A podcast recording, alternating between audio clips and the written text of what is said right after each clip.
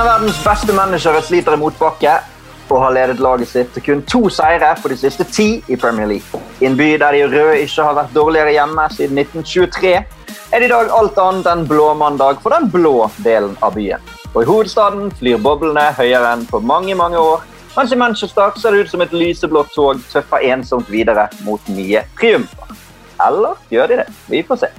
Tøffos skal uansett vi gjøre også den neste timen, og for å sette i gang med det, så har jeg med meg to av TV 2 Sportens aller varmeste kommentatorstemmer. Og først av alt, velkommen til deg, Endre Olav Osnes. Tusen hjertelig takk, Helge.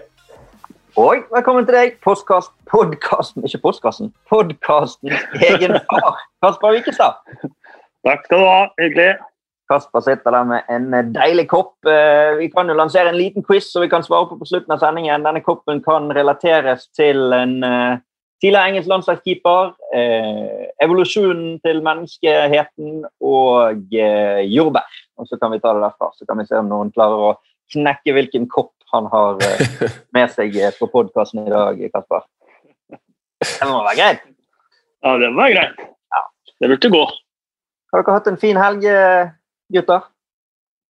Ja. Det har gått i det har gått i fotball og litt mosjon. Prøvd å utnytte siste, siste, rest av det som kanskje er skiføre i Oslo-området òg. Nå har det jo gått fra 0 til 100 temperaturmessig, så Nesten. kort oppsummert. Ja. Og du, Kasper? Temperatur? Høye temperaturer hos deg òg? Eh, ja, og jeg går på beina. Det er sånn jeg kommer meg i form igjen eh, nå. Så jeg tror jeg har 17 eh, 000 skritt i snitt i løpet av de tre siste dagene. Så det er ikke så verst. Det er meget bra. Ja, det er veldig bra. Det er veldig bra. Det er mer enn flere av de som var i aksjon i helgen i Premier League. Tror jeg. Det tror jeg vi skal applaudere for. Kjapp applaus. Veldig bra. Vi skal gå i gang med å snakke litt om runden som har vært, vi. Og vi begynner på fredag vi, med det som var eh, Wolverhampton mot Leeds. Et klassisk storoppgjør i engelsk fotball. Eh, Kasper. Når du, når du hører Wolves Leeds i en intern kamp, da får man litt sånn eh, Du er jo veldig glad av det som skjedde før 1992, og det, det er en gammel klassiker. ja, jeg har jo hele oppveksten min før 1992, så det er klart jeg er glad i det. Men uh, Wolves Leeds er mer, mer 70-tallet. Uh, sånn sett. Kenny Hibbit og, og, og gutta. så Eh, så det er mer den, den, den schwungen av, eh, av fotballkort. Men Det er gøy å ha de oppe eh, begge to, definitivt. Og det var jo en morsom, eller nesten surrealistisk kamp at Leeds endte tomhendte fra, den, fra den matchen der. Mm. Men uh, Wolves litt på gang nå. Fire kamper nå, ti poeng på de siste fire. Og uh, biter seg litt fast i det sjiktet som på en måte ligger litt bak topp fire-kampen nå, men på trygg avstand fra bunnen, Endre Olav. Uh, skal vi snakke om Adama Traoré sine lår igjen, eller er det ferdig snakket? Det er så enorm å se på. Ja, nei, Han er enorm å se på. Det, det skuddet er jo, er jo, vanvittig. Så det er jo surt for han å ikke få det kreditert òg, eh, egentlig. For det var jo skjebnebestemt å gå inn. Men jeg vet ikke, er Pedro Neto uh, underkommunisert? Så god han har vært denne sesongen. For det, han er helt rå uh, å se på. Han er sånn uh, ung uh, Louis Figo, nesten. Altså, han syns jeg er skikkelig, skikkelig god, sånn uavhengig av denne kampen her. Så på generelt grunnlag enormt bra å se på fått et spørsmål her faktisk fra Gjøran Øksnevåg på Twitter, som har skrevet eh, på tide Pedro Neto bør bli tatt alvorlig i debatten om årets unge spiller. Og så har han lagt ved en eh, statistikk på litt forskjellige spillere under 21 år, der han er i toppen av mye. Hva kan, du, tenker du da, Kasper? Er Neto en som kan vinne den prisen? Ja, definitivt. Det er mange gode unge spillere i Premier League uh, denne sesongen, men han er helt klart en av dem. Han også har lidd litt under at Wolverhampton har har slitt eh, voldsomt og har måttet tatt veldig stort ansvar også med Diogo Jota eh, solgt. Så eh, et lag med enda mer eh, flyt, så ville ha vært enda mer dominerende, tror jeg også. da. Eh, men at han har hatt en kanonsesong. Eh, og, at, Han imponerte meg egentlig fra, fra første stund han fikk innhopp. For, for, meg så var det et ukjent blad før han kom til Wolverhampton, og ukjent blad fram til første gang jeg så han for Wolverhampton også. Jeg syns han har vært, tatt steget fra liksom, første spark på ballen. Og det er jo med de, med de, gutta der som du sier at han har måttet ta stort ansvar. Både han og Saka har liksom ikke hatt den luksusen Selv om alle unge gutter vil jo spille mest mulig, så har de ikke hatt den luksusen å fases inn da, sånn eh, gradvis i et lag med flyt hvor, eh, hvor, de voksne gutta tar ansvar, på samme måte med Phil Foden, da, føler jeg. Det har på en måte Phil Foden kunnet dra nytte av at han sakte, men sikkert har blitt uh, matchet. Uh, både Neto og Bukayo Saka har tatt stort, stort ansvar. Absolutt. Jeg nevnte så vidt at det var utrolig at ikke Leeds fikk med seg noe der. Men Leeds er jo litt sånn enten vinner de, eller så taper de, og, og nå tapte de. De har 6-0-7 borte. City spilte en uavgjort kamp, var vel i november sånn, i Premier League. Så det, det svinger med Leeds, og det har vi jo blitt glad i. Men hva tenker du om fortsettelsen for Leeds nå, Kasper, de neste neste månedene? For de er jo på trygg avstand ned. Absolutt på trygg avstand, uh, avstand ned, men de, men de, er liksom, litt som et sånn uh, lillegutt, uh, lilleputtlag. Eh, jeg hørte en eller annen podkast som dro den sammenligningen. Jeg syns jeg var veldig god. De spiller helt likt om de leder 4-0, eller om de ligger under 0-4, eller om det er 1-1. Så spiller de 100% likt, og det syns jeg er utrolig morsomt og sjarmerende å, å, se på. men med den dødballfoten til eh, Rafinha og, eh, og, og, sjansene de skapte mot Wolverhampton, så er det ingen tvil om at de hadde fortjent seieren. Um, så så de, de, de, kommer til å gjøre det helt likt innover men jeg tror de hadde veldig godt av på den tidagerspausen som de hadde i januar. For da så, de, da så de ut som de var litt på stålet, sånn som Bielsa-lag, og sånn som Leeds har gjort tidligere, også under Bielsa. Um, så de ti dagene tror jeg var veldig veldig gode for dem å få. Og så eh, blir man litt bekymra hvis kampprogrammet igjen blir, eh, blir tett, eh, tett, utover. Så, men eh, de, de, kommer til å fortsette å underholde oss, det er det eneste vi kan være sikre på, tror jeg.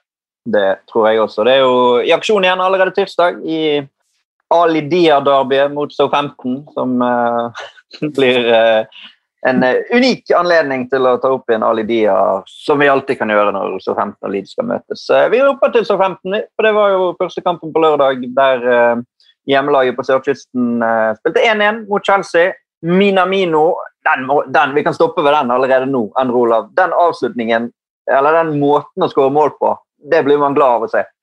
Den var, den var fantastisk. Da satt jeg og tenkte Satt jeg for første gang og tenkte på en stund at eh, hvor høyt eh, nivå det er på disse fotballspillerne. For man tar, tar det for gitt. Eh, men hvor mye det skal til da, for å bli en fotballspiller i, i, Premier League, hvor kompleks denne idretten her er. Fordi bare måten han starter på, stikker i bakrom, skuddfinte og så den avslutningen med utsiden av foten Det er meget, meget komplekst. Så det er gøy å se han uh, nyter jo godt av å kanskje være litt mer profil da, på et uh, lag som trenger han. Mm. Ja, men han viser jo nå også noen av de egenskapene som han viste i, i Salzburg, og som Liverpool-fansen håpet at han skulle få vist oss de. For det, Kasper, det er jo det er ingen tvil om at det bor en fotballspiller i Takumi Minamino. Ja, definitivt. Og nå har han et par goller. Han var jo vakker, den han hadde på St. James' Park også. så ja, Han har vist meg bare hvorfor, hvorfor Liverpool så det de så i ham. Mm. Eh, det blir spennende å følge utviklinga hans både i Southampton, Premier League og, og kanskje Liverpool, eh, Liverpool etter hvert. Mm. Men Chelsea eh, kom tilbake, sikret seg 1-1 Mason Mount på straffe. Chelsea faktisk det eneste laget i denne runden som tok poeng etter å ha havnet under i, i en Premier League-kamp denne helgen. Så litt spesiell Men, situasjon. Ja, vær så god. Ja, det var kanskje det samme vi skulle inn på. Callum Hudson-Odoi-situasjonen. Bytta inn til pause og og bytta ut, og så hengt ut til tørk av manageren, eh, ferske mm. manageren eh, etter matchen. Det, er, eh, det var overraskende tidlig å ta sånn 'jeg er sjef'-grep, syns jeg, fra Thomas Tuchel. da. Ja, det var det. Og det som er litt spesielt, er jo, som Espen Tangstad poengterer til oss på Twitter, er at uh, sist Chelsea byttet inn og ut en spiller i samme kamp, var det også Callum Hudson Odoi i 2018 mot Watford. Så, men det er klart, det var jo Men da var det skade? Ja, jo da. Eh, men, men, ja, ja, men det er jo litt, litt sånn spesielle tilfeller. Men, det, men det, er, det, er, veldig sjelden man ser at noen kommer innpå og så blir byttet ut igjen. Men det er klart, når du kommer innpå tidlig, så, så kan det jo skje. Men her var det jo ikke sånn heller. Altså, her var det jo, her var det jo på en måte bare Du gjør ikke jobben, du må ut igjen. Og Det er veldig sjelden man ser på dette nivået. Han blir jo tatt av grunn av kroppsspråket, var det ikke det? Jo, for at han, at han gjør jobben, det kan det jo ikke være tvil om. Han hadde jo godt innhopp. Mm. Han skapte jo sjanser, og plutselig fikk jo Southampton helt andre eh, utfordringer å skulle forsvare seg mot. og Det sleit jo Southampton med. Så prestasjonen kan det ikke, kan det ikke ha vært. Man snakka jo om det, som Endre Olav sier, at det var kroppsspråket til Callum Hudson og Doyce man ikke likte. sånn Apropos lille, Lilleputt-match, da. Mm. Nei, men altså, jeg tenkte på det at altså, Han kommer inn i pausen, og så blir han byttet ut igjen. Og Av og til kan du i hvert fall se den at du kommer innpå fordi noen blir skadet i første omgang, og så har du spilt en Mm. time, og da kan du bli tatt av igjen. Men selv det er jo sjelden. Men her var det jo altså, hvor, hvor lenge var han på banen? En halvtime? Og så var det ut igjen. Mm. Ja, under det, tror jeg. Ja, det er veldig Men uh, Det er Ja. Moise Keane da, fra Old Trafford. stemmer. Ja, stemmer det. Det, det, det var jo liksom det var- to ganger. Mm. Ja, men der var det vel sånn to minutter igjen, sånn, var ikke det da på slutten? og det var sånn, Nå skal vi sikre et resultat. Altså Her var det jo en offensiv spiller som var kommet inn for å endre et kampbilde, og egentlig var, var med på å gjøre det, og så ble tatt av igjen. Det viser jo litt uh, nye sider, i hvert fall, uh, Tuchel. Jeg så på, jeg tenkte han var litt sånn mildere type. Jeg kjenner jo ikke han uh, så, så godt, selvfølgelig, siden Lampard Det var en av grunnene. var At Lampard var for, for hard, for streng. Så viser jo Tuchel at det er klart, han er jo vant til å ha disse store, store stjernene fra, fra PSG. Men uh, det var litt overrasket, for jeg føler Hudson og Doy er en av de som har vært nytt godt. da under uh, Tuchel. Du har uh, Man kan liksom se han har noen favoritter. Uh, Alonso har nytt godt av det. Rodiger har nytt godt. Og så tenkte jeg Hudson og Doy, de tre. Så det var litt overraskende. Der mista han nok en, en alliert, da, muligens. Ja. Ja, ellers er det sånn at eh, jeg, jeg sitter også og lurer litt på Det kan sikkert an å glatte ting over med Hudson og Doy og ta en prat og forklare hvorfor, og, og så er det liksom så er det greit i neste, neste match. Men kanskje litt mer bekymra for hva lagkompiser og sånn eh, tenker, eh, tenker rundt det. For at, spesielt i og med at innhoppet var bra, eh, så det blir litt sånn lite konsistent da, og bytte han ut likevel. Så hva tenker liksom de andre 20 i, i laget når, når Tuchel gjør det, og ikke minst også henger han ut i tørk i intervjuene etter, etter match. Tenker lagkompisene hæ, det var vel ikke helt greit, eller tenker kult at de gjør det med en god kompis av meg, liksom. Det, det der er jeg litt usikker på, faktisk.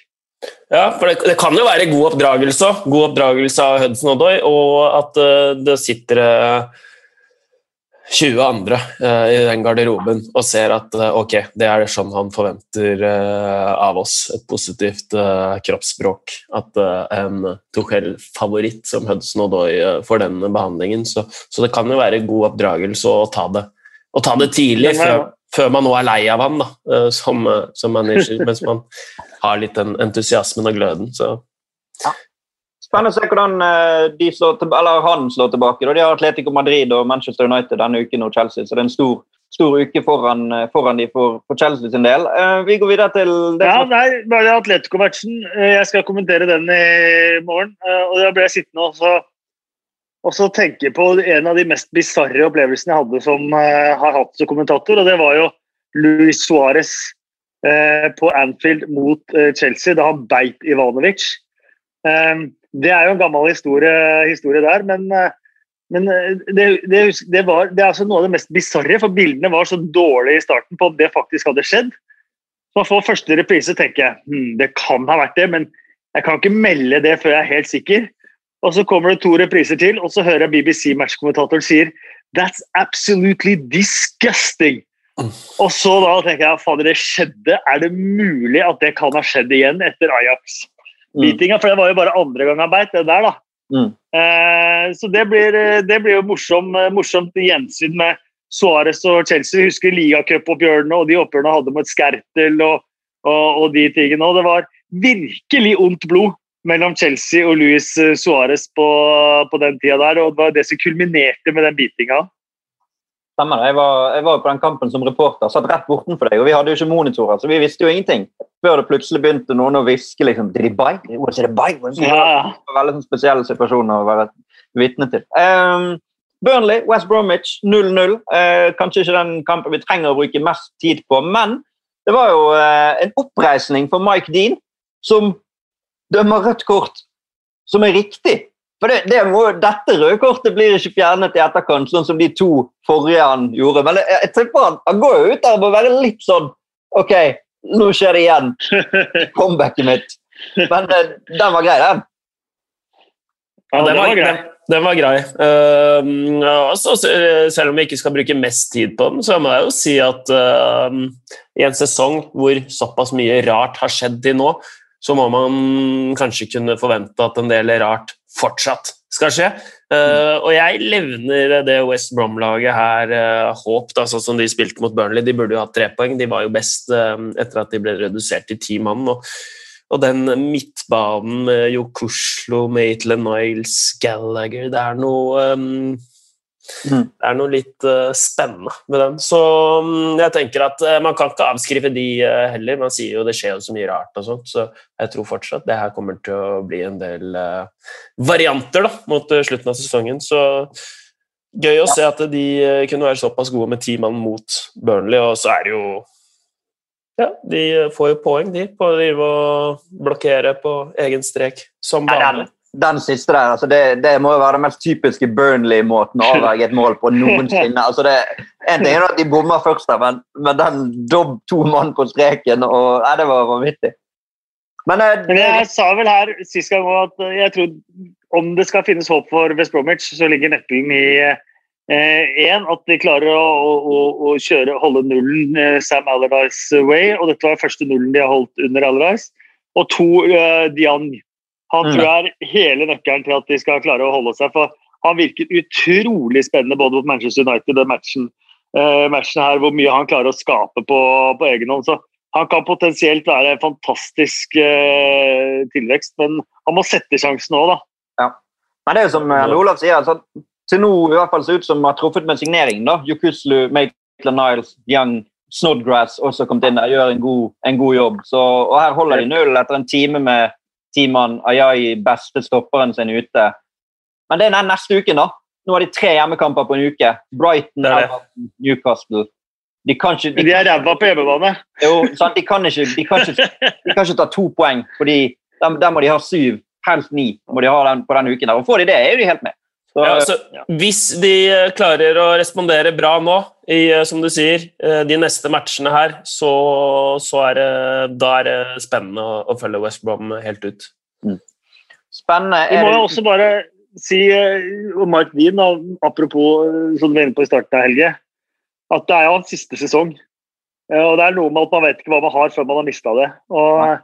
Man kan eh, si at Mark Dean er kontroversiell og at man ikke liker den og det ene med det andre, men med Mike Dean tror jeg faktisk at, uh, at når han har lagt opp, som han kommer til å gjøre etter denne sesongen, her, så kommer vi til å tenke at fader, han var jo han er, Det er et tap at han er borte. Vi kommer, vi kommer til å savne han faktisk. Jeg er helt enig. ja, da får dere være enige om det. Det er helt greit. Vi går til Mercyside, der Liverpool har sin dårligste hjemmeform siden 1923. Fire strake tap eh, helt siden Kasper sa at det var for lett og at de vant alt. Så har de, de har vunnet én kamp og er det dårligste hjemmelaget i hele ligaen. Siden. Det var en sånn superjinx, det, men det, ja, de, de, som tror på sånt, får tro på det. Um, lå dette i luften, at det skulle bli den første Anfield-seieren siden 99 for Everton? Det gjorde gjerne det. Ja, det, det, det gjorde, gjorde, jo det, egentlig. Um, jeg har egentlig ikke noen begrunnelse eh, for hvorfor. Men det, er, det er, litt eh, gøy å se det Everton-laget. Og, og, de leverer jo gode resultater mot, eh, mot, alle nå. Det er bare City de har hatt store problemer mot. Du så jo mot Manchester United. Der var de solide. Angelotti har virkelig, virkelig gjort noe med det laget her, så mm. Men ja, det er en sannhet med modifikasjoner, det. da. Det, de jo, det er jo akkurat de her resultatene hvor de har torska det skikkelig til, som de, som de, har ødelagt at det ikke er et topplag. Eh, hjemme mot Fulham, hjemme mot eh, Newcastle. Ja, men jeg sa de eh, store. Ja, for at de store, der, der henger de med. Ja. Eh, det ene, ja, sorry, da mis misforstår jeg, Ola. For at uh, mot de store så henger de med. Eh, men at de ikke klarer de der, de der hverdagskjøtt- og poteter-kampene sine. Eh, det ville jeg vært så frustrert over hvis jeg var, hvis jeg var Everton-fan. Um, nevnte jo introen der, eh, Mange tenkte sikkert på José Mourinho da jeg sa det at uh, en av verdens beste managere har ledet laget sitt til kun to seire på de siste ti. Men det er jo Jørgen Klopp som har gjort det. Og Mourinho har jo faktisk tre seire på de siste ti. Så jeg tror faktisk uh, og Det, det syns jeg er overraskende. Når de, når de henter en spiller som Tiago, tenkte jeg at det her er den råeste signeringen. Uh, fantastisk midtbanespiller. Uh, beste man kan hente. Og når han da Han tror jeg står uten seier på Anfield i, uh, i startene sine. Altså Det syns jeg er rart! ja, det er, det, er enormt mange faktorer her. da. Det, det må jo ikke glemmes. Altså, så mange skader de har, og måten det har påvirket laget på sånn Sett i ettertid så hadde det sikkert vært bedre å ikke bruke de midtbanespillerne som stoppere, og heller bare kjørt med de stopperne de har, for ikke å miste den midtbanen med Fabinho Henderson, som var så god. Men det er veldig lett å sitte her og si nå, når det ikke har funket. Sant? For Fabinho var jo kjempegod som stopper også. Men det er noe med denne midtbanen som er så viktig. da. Andre baller som, som man ler av og setter litt sånn i hermetegn hvor viktig det er. Men se på det første målet der. De taper to andre baller som gjør at Rames Rodriguez får fritt spillerom og trilt gjennom. Hvis de ikke taper de andre ballene, så får ikke de det målet i trynet med en gang. Og Hvis det er noen som har stått og prata om second balls, uh, så er det jo faktisk uh, det er van Dijk. Har jeg hørt mye si det i intervjusituasjonen, og viktigheten av det, og, og Jørgen Klopp. Uh, så det er, det er faktisk det, det, Man kan tulle så mye man vil med andre baller, men um, Taper man, senker man seg der, tar man færre, færre løp for å åpne opp eh, rom for, for andre, de pliktløpene ned mot hjørneflagget, de, de, så er det rett og slett eh, ja, Da er det lettere å tape fotballkamper. Og så mister man troa, og så senker alle seg også litt. Du ser alle som er litt dårligere. Alle er litt dårligere. Så det er som du sier, mange mange faktorer, men eh, det er ikke tvil om at de har, de har tapt seg på, de, ehm, på den grovjobben jobben der, da, som andreballer.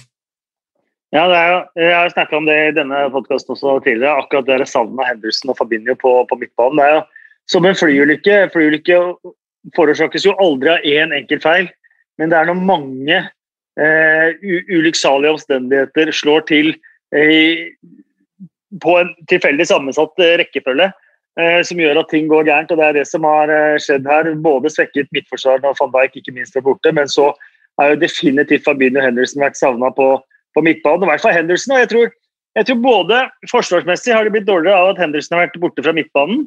Eh, fordi at han har vært et utrolig god beskyttelse foran eh, Forsvaret, i tillegg til eh, hvor flink han er verbalt til å styre laget som kaptein. Jeg tror fronttrioen også har lidd under at Henderson har vært borte på midtbanen. Også pga. mye det hvordan eh, Henderson styrer og dirigerer og gir beskjeder eh, hele veien også, til også de tre, tre foran. Um, så jeg tror også har du tilleggs, bare sånn, sånn tilleggsfaktor da, at Anfield er, er tom. Eh, de har jo, de har, eh, det er jo etter koronaen, også forrige sesong, man så en, sånn, en dipp i, i formen der. Eh, så jeg tror, du, du, kan nok ikke peke på én en enkelt ting som du, du sier, Egil, men det er en rekke omstendigheter som har slått til på en svært uheldig måte for Liverpool.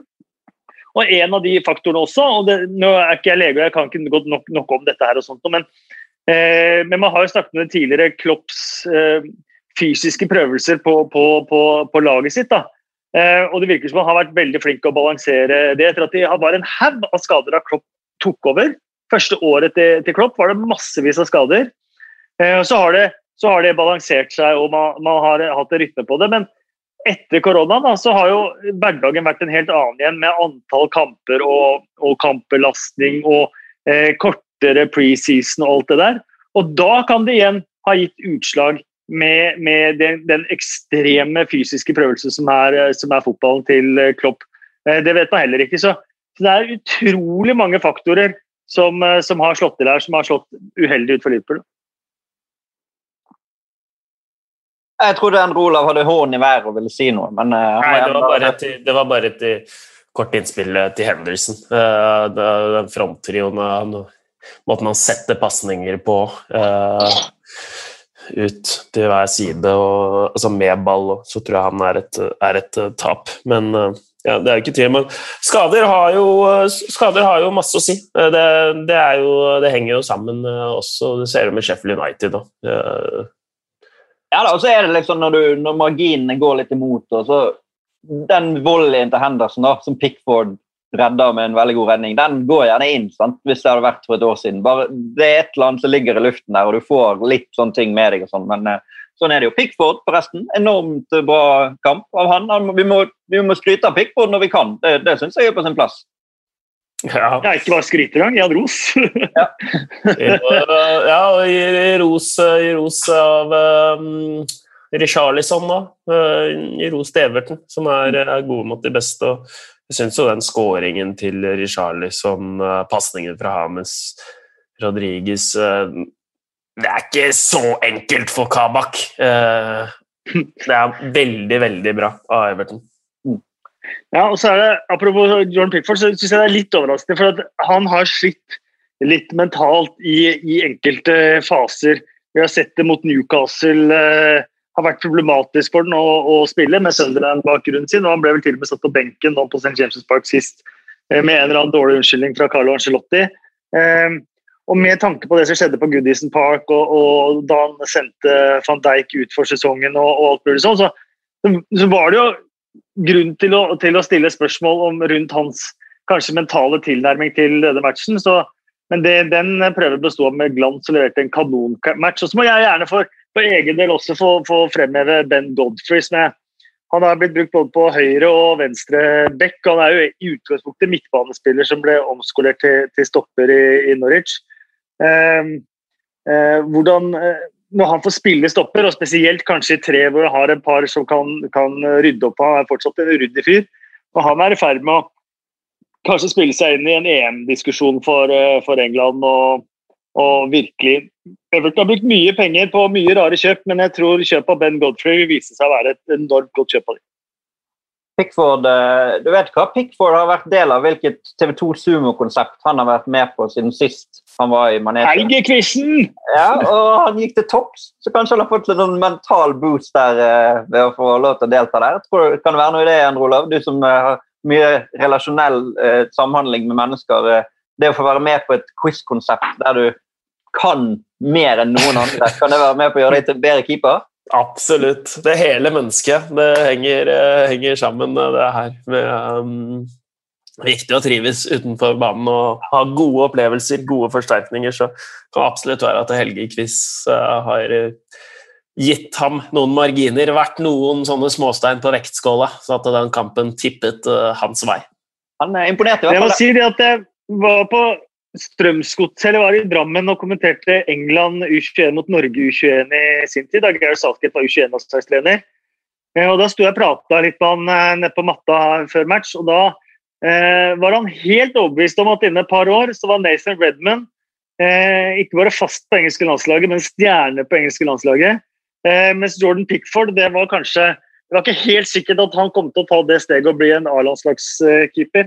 Man får vel si at det har gått ganske motsatt vei under Southgate, faktisk. Det, det, får vi si. Eh, før vi runder av den kampen, må vi bare innom det straffesparket som Everton eh, får. Trent Alexander Arnold eh, Det var litt frem og tilbake der eh, med VAR og skulle det være straffe. Men det viste seg vel at han Cavenage var egentlig aldri i tvil om at det var straffe. Det han var ute og så på, var om det skulle vært rødt kort eller ikke. Eh, hva tenker du rundt den situasjonen, Endre Olav?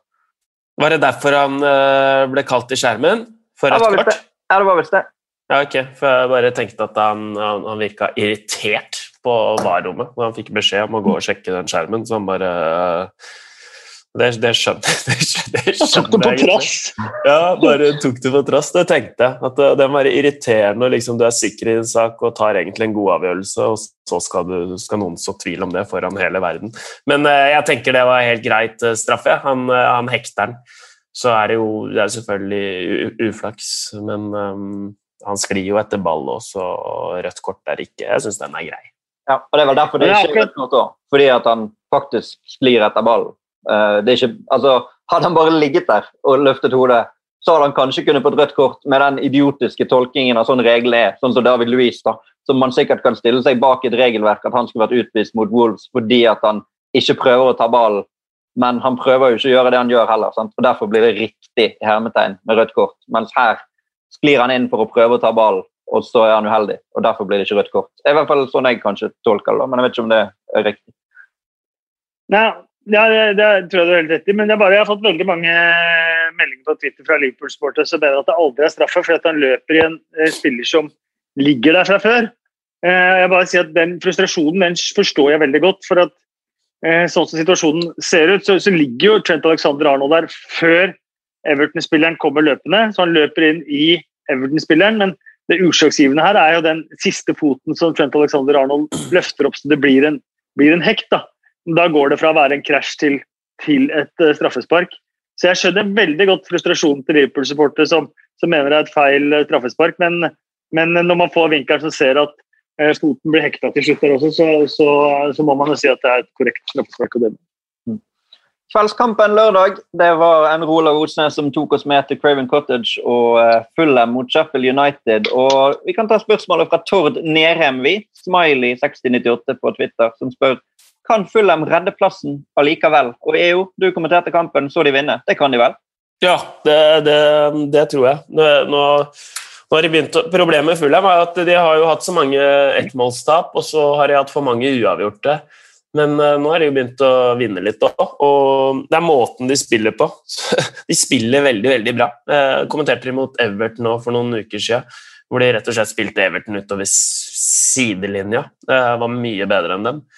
Eh, vant 2-0. Maja skårte to da, og, så, og nå De er klart best. Eh, Syns de er veldig, veldig bra spiller for uh, spiller, og de ser uh, solide ut. Jeg syns det er rart de ligger der nede, uh, egentlig.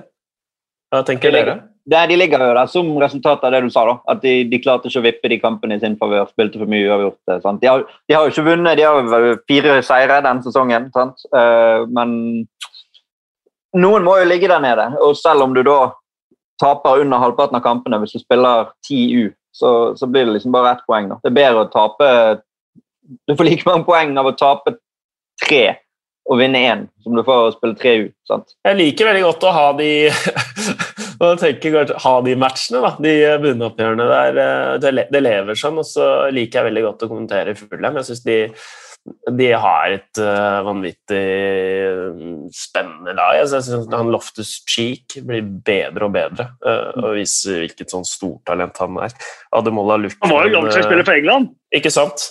Ja, i VM. Ja, man, skal ikke, man, skal ikke, glemme det. Så, men, men, men, det er liksom der man skal snakke om at de er bedre enn uh, tabellposisjonen tilsier, og de bla, bla, bla, og spiller bra og sånn.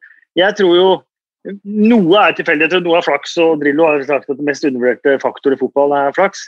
Men hvis du ser på de to lagene som kanskje har fått dårligst betalt ut ifra spill, da, som man alltid snakker om nei, de har vært uheldige og nei, de hadde fortjent mer, og sånt, det er Brighton og Fulham. Og så ser du hva slags spillere som de har hatt offensivt. Så har de dårlige avsluttere, svake avsluttere offensivt. Så det er ikke tilfeldig at, de, at det er to lag som vil skape mye sjanser uten å skåre så mange mål. da. Og der er kanskje Josh Maja en, en nøkkel. Eh, at George Marchak faktisk kan, eh, kan, avslutte de angrepene. Se på Brighton, for eksempel, bare ta et eksempel med Danny Welbeck. Eh, uansett hvilket lag Danny Welbeck spiller for, bortsett fra kanskje den ene halve sesongen i Sunderland på lån, så kan lagene skape så mange sjanser de vil for ham. Og han vil stort sett brenne de fleste og skåre et par og kanskje en og annen perle, liksom. Eh, men at han, han, er en effektiv avslutter, det har han aldri vært. Og det kan man aldri forvente at han skal være heller. Så Det betyr at lag hvor han skal skåre masse mål, at de må skape dobbelt så mange sjanser som de ellers ville måtte da, hvis de hadde hatt en skarp avslutter på topp. Så jeg tror ikke det bare er snakk om tilfeldigheter og uflaks. Jeg tror at, det, at det, er, det, er, en naturlig konsekvens da, av litt hva slags spillere og offensive spillere du har. og det Litt det samme med Fulham når de ikke har hatt Mitrovic, og Mitrovic ikke passer til hvordan de spiller heller i, i Premier League. Cavaleiro, Cordova Reed, eh, de spillerne der, det er ikke det er ikke spillere som vil være i nærheten av 15 ligamål på en sesong uansett. Ja, jeg satt, men også et problem er at de, eh, han blir jo veldig lite involvert. Da. Han der Majan og skåret jo to her eh, i første start for noen uker siden, men jeg så på den der tror jeg sånn etter 40 minutter hadde han hatt fire touch på ballen. Uh, nå så jeg han har 17 touch på 86 minutter på banen, mens Luckman har 69 og Loftus Cheek har 71. Så, så, det er noe med å involvere de spissene òg, men det er sant som du sier. Uh, uh, det er det mest ineffektive laget. Vel, også Sheffield United har vært ineffektive, så må få opp den. De prøvde å hente Josh King, så de trenger litt uh, trøkk der. Så får man se om Maja da kan uh, fortsette. Deilig å. United er nøyaktig det samme, og de har jo de har spisser som aldri har skåra mye mål. Verken, uh, bortsett fra Billy Sharp, da, men han har aldri skåra mye mål på dette nivå. Men McKenzie, McBurney, de spillerne der, det er ikke, det er ikke 15 ligamål per sesong-spillere, det. Når du sa McKenzie nå, mente du McGoldrick og tenkte på Leon jeg McKenzie mente, som var i Norwich? Jeg mente McGoldrick, men Leon McKenzie er vel prøvde seg vel som profesjonell bokser der. Ja. Uh, gikk vel et par kamper, men jeg tror ikke det ble noe mer enn det. Sheffield United står på 11 poeng. Det selvfølgelig, teorien kan jo ting skje. Det er 13 kamper igjen, 39 poeng og, og, mulig å hente, men eh, det vil være en sensasjon om de klarer å komme tilbake fra, fra dette nå. Nå kan ikke de stille seg bak et juleselskap eller noe lenger heller, eh, Kasper. Nå er det sånn at uh, de må vinne i hvert fall ti Nei, ni, ni kamper til. Hvis de vinner ni kamper av de siste 13, da kan det vel gå. Men bortsett fra det, så Jeg har avskrevet de tre nederste for lenge siden, jeg. Så eh, ja, men Fulham er, vel, ja, Fulham er vel de eneste som kanskje da kan, kan bevise, meg, bevise, meg, feil. og det, det er én grunn til det, og det er Newcastle. Hadde ikke Newcastle hatt de to litt ikke vær kjipt om å si litt tilfeldige seierne mot Southampton og Everton, så hadde de virkelig vært i deep shit. Men eh, jeg tror, jeg tror de er det uansett, eh, og det er håpet til, eh, til Fulham. Jeg, jeg, jeg, tror nok det er tror, Selv om Brighton poengmessig er nære, så tror jeg, tror jeg ikke de skal, skal, blande seg inn der. Men, men mellom Fulham og Newcastle har det utvikla seg at det blir en match her nå. og De er litt sånn motsatte kurver òg. Vi får se. Kanskje Crystal Palace roter seg ned i det også. De er ikke bra for tiden. Men vi går videre til søndagen, og det som var da et uh, tidlig møte mellom faktisk Scott Parkers uh, gamle klubber. For ti år siden så var jo han en av Englands beste midtbanespillere i både Westham og Tottenham. Bare si Det det var deilig å se Scott Parker juble på, ved kampslutt der, uh, når, de, når fløyten gikk og de hadde vunnet. Man unner liksom en mann som er med si så mye. En suksess. Ja, vær så god. For en skandale at ikke Sheffield United fikk uh, straffespark der. Ja. Eh, virkelig. Og det er jo, Nå skal ikke jeg prate om VAR igjen, men det er det jeg har vært innom med VAR her tidligere, og hvor utrolig lite transparent VAR-systemet fungerer. Når man alltid kan skjule seg bak clear and obvious. Det betyr at man, kan, man tar de situasjonene man endrer eller ikke endrer, eller sender dommer bort til skjerm eller ikke sender dommer bort til skjerm, det er altså så subjektivt.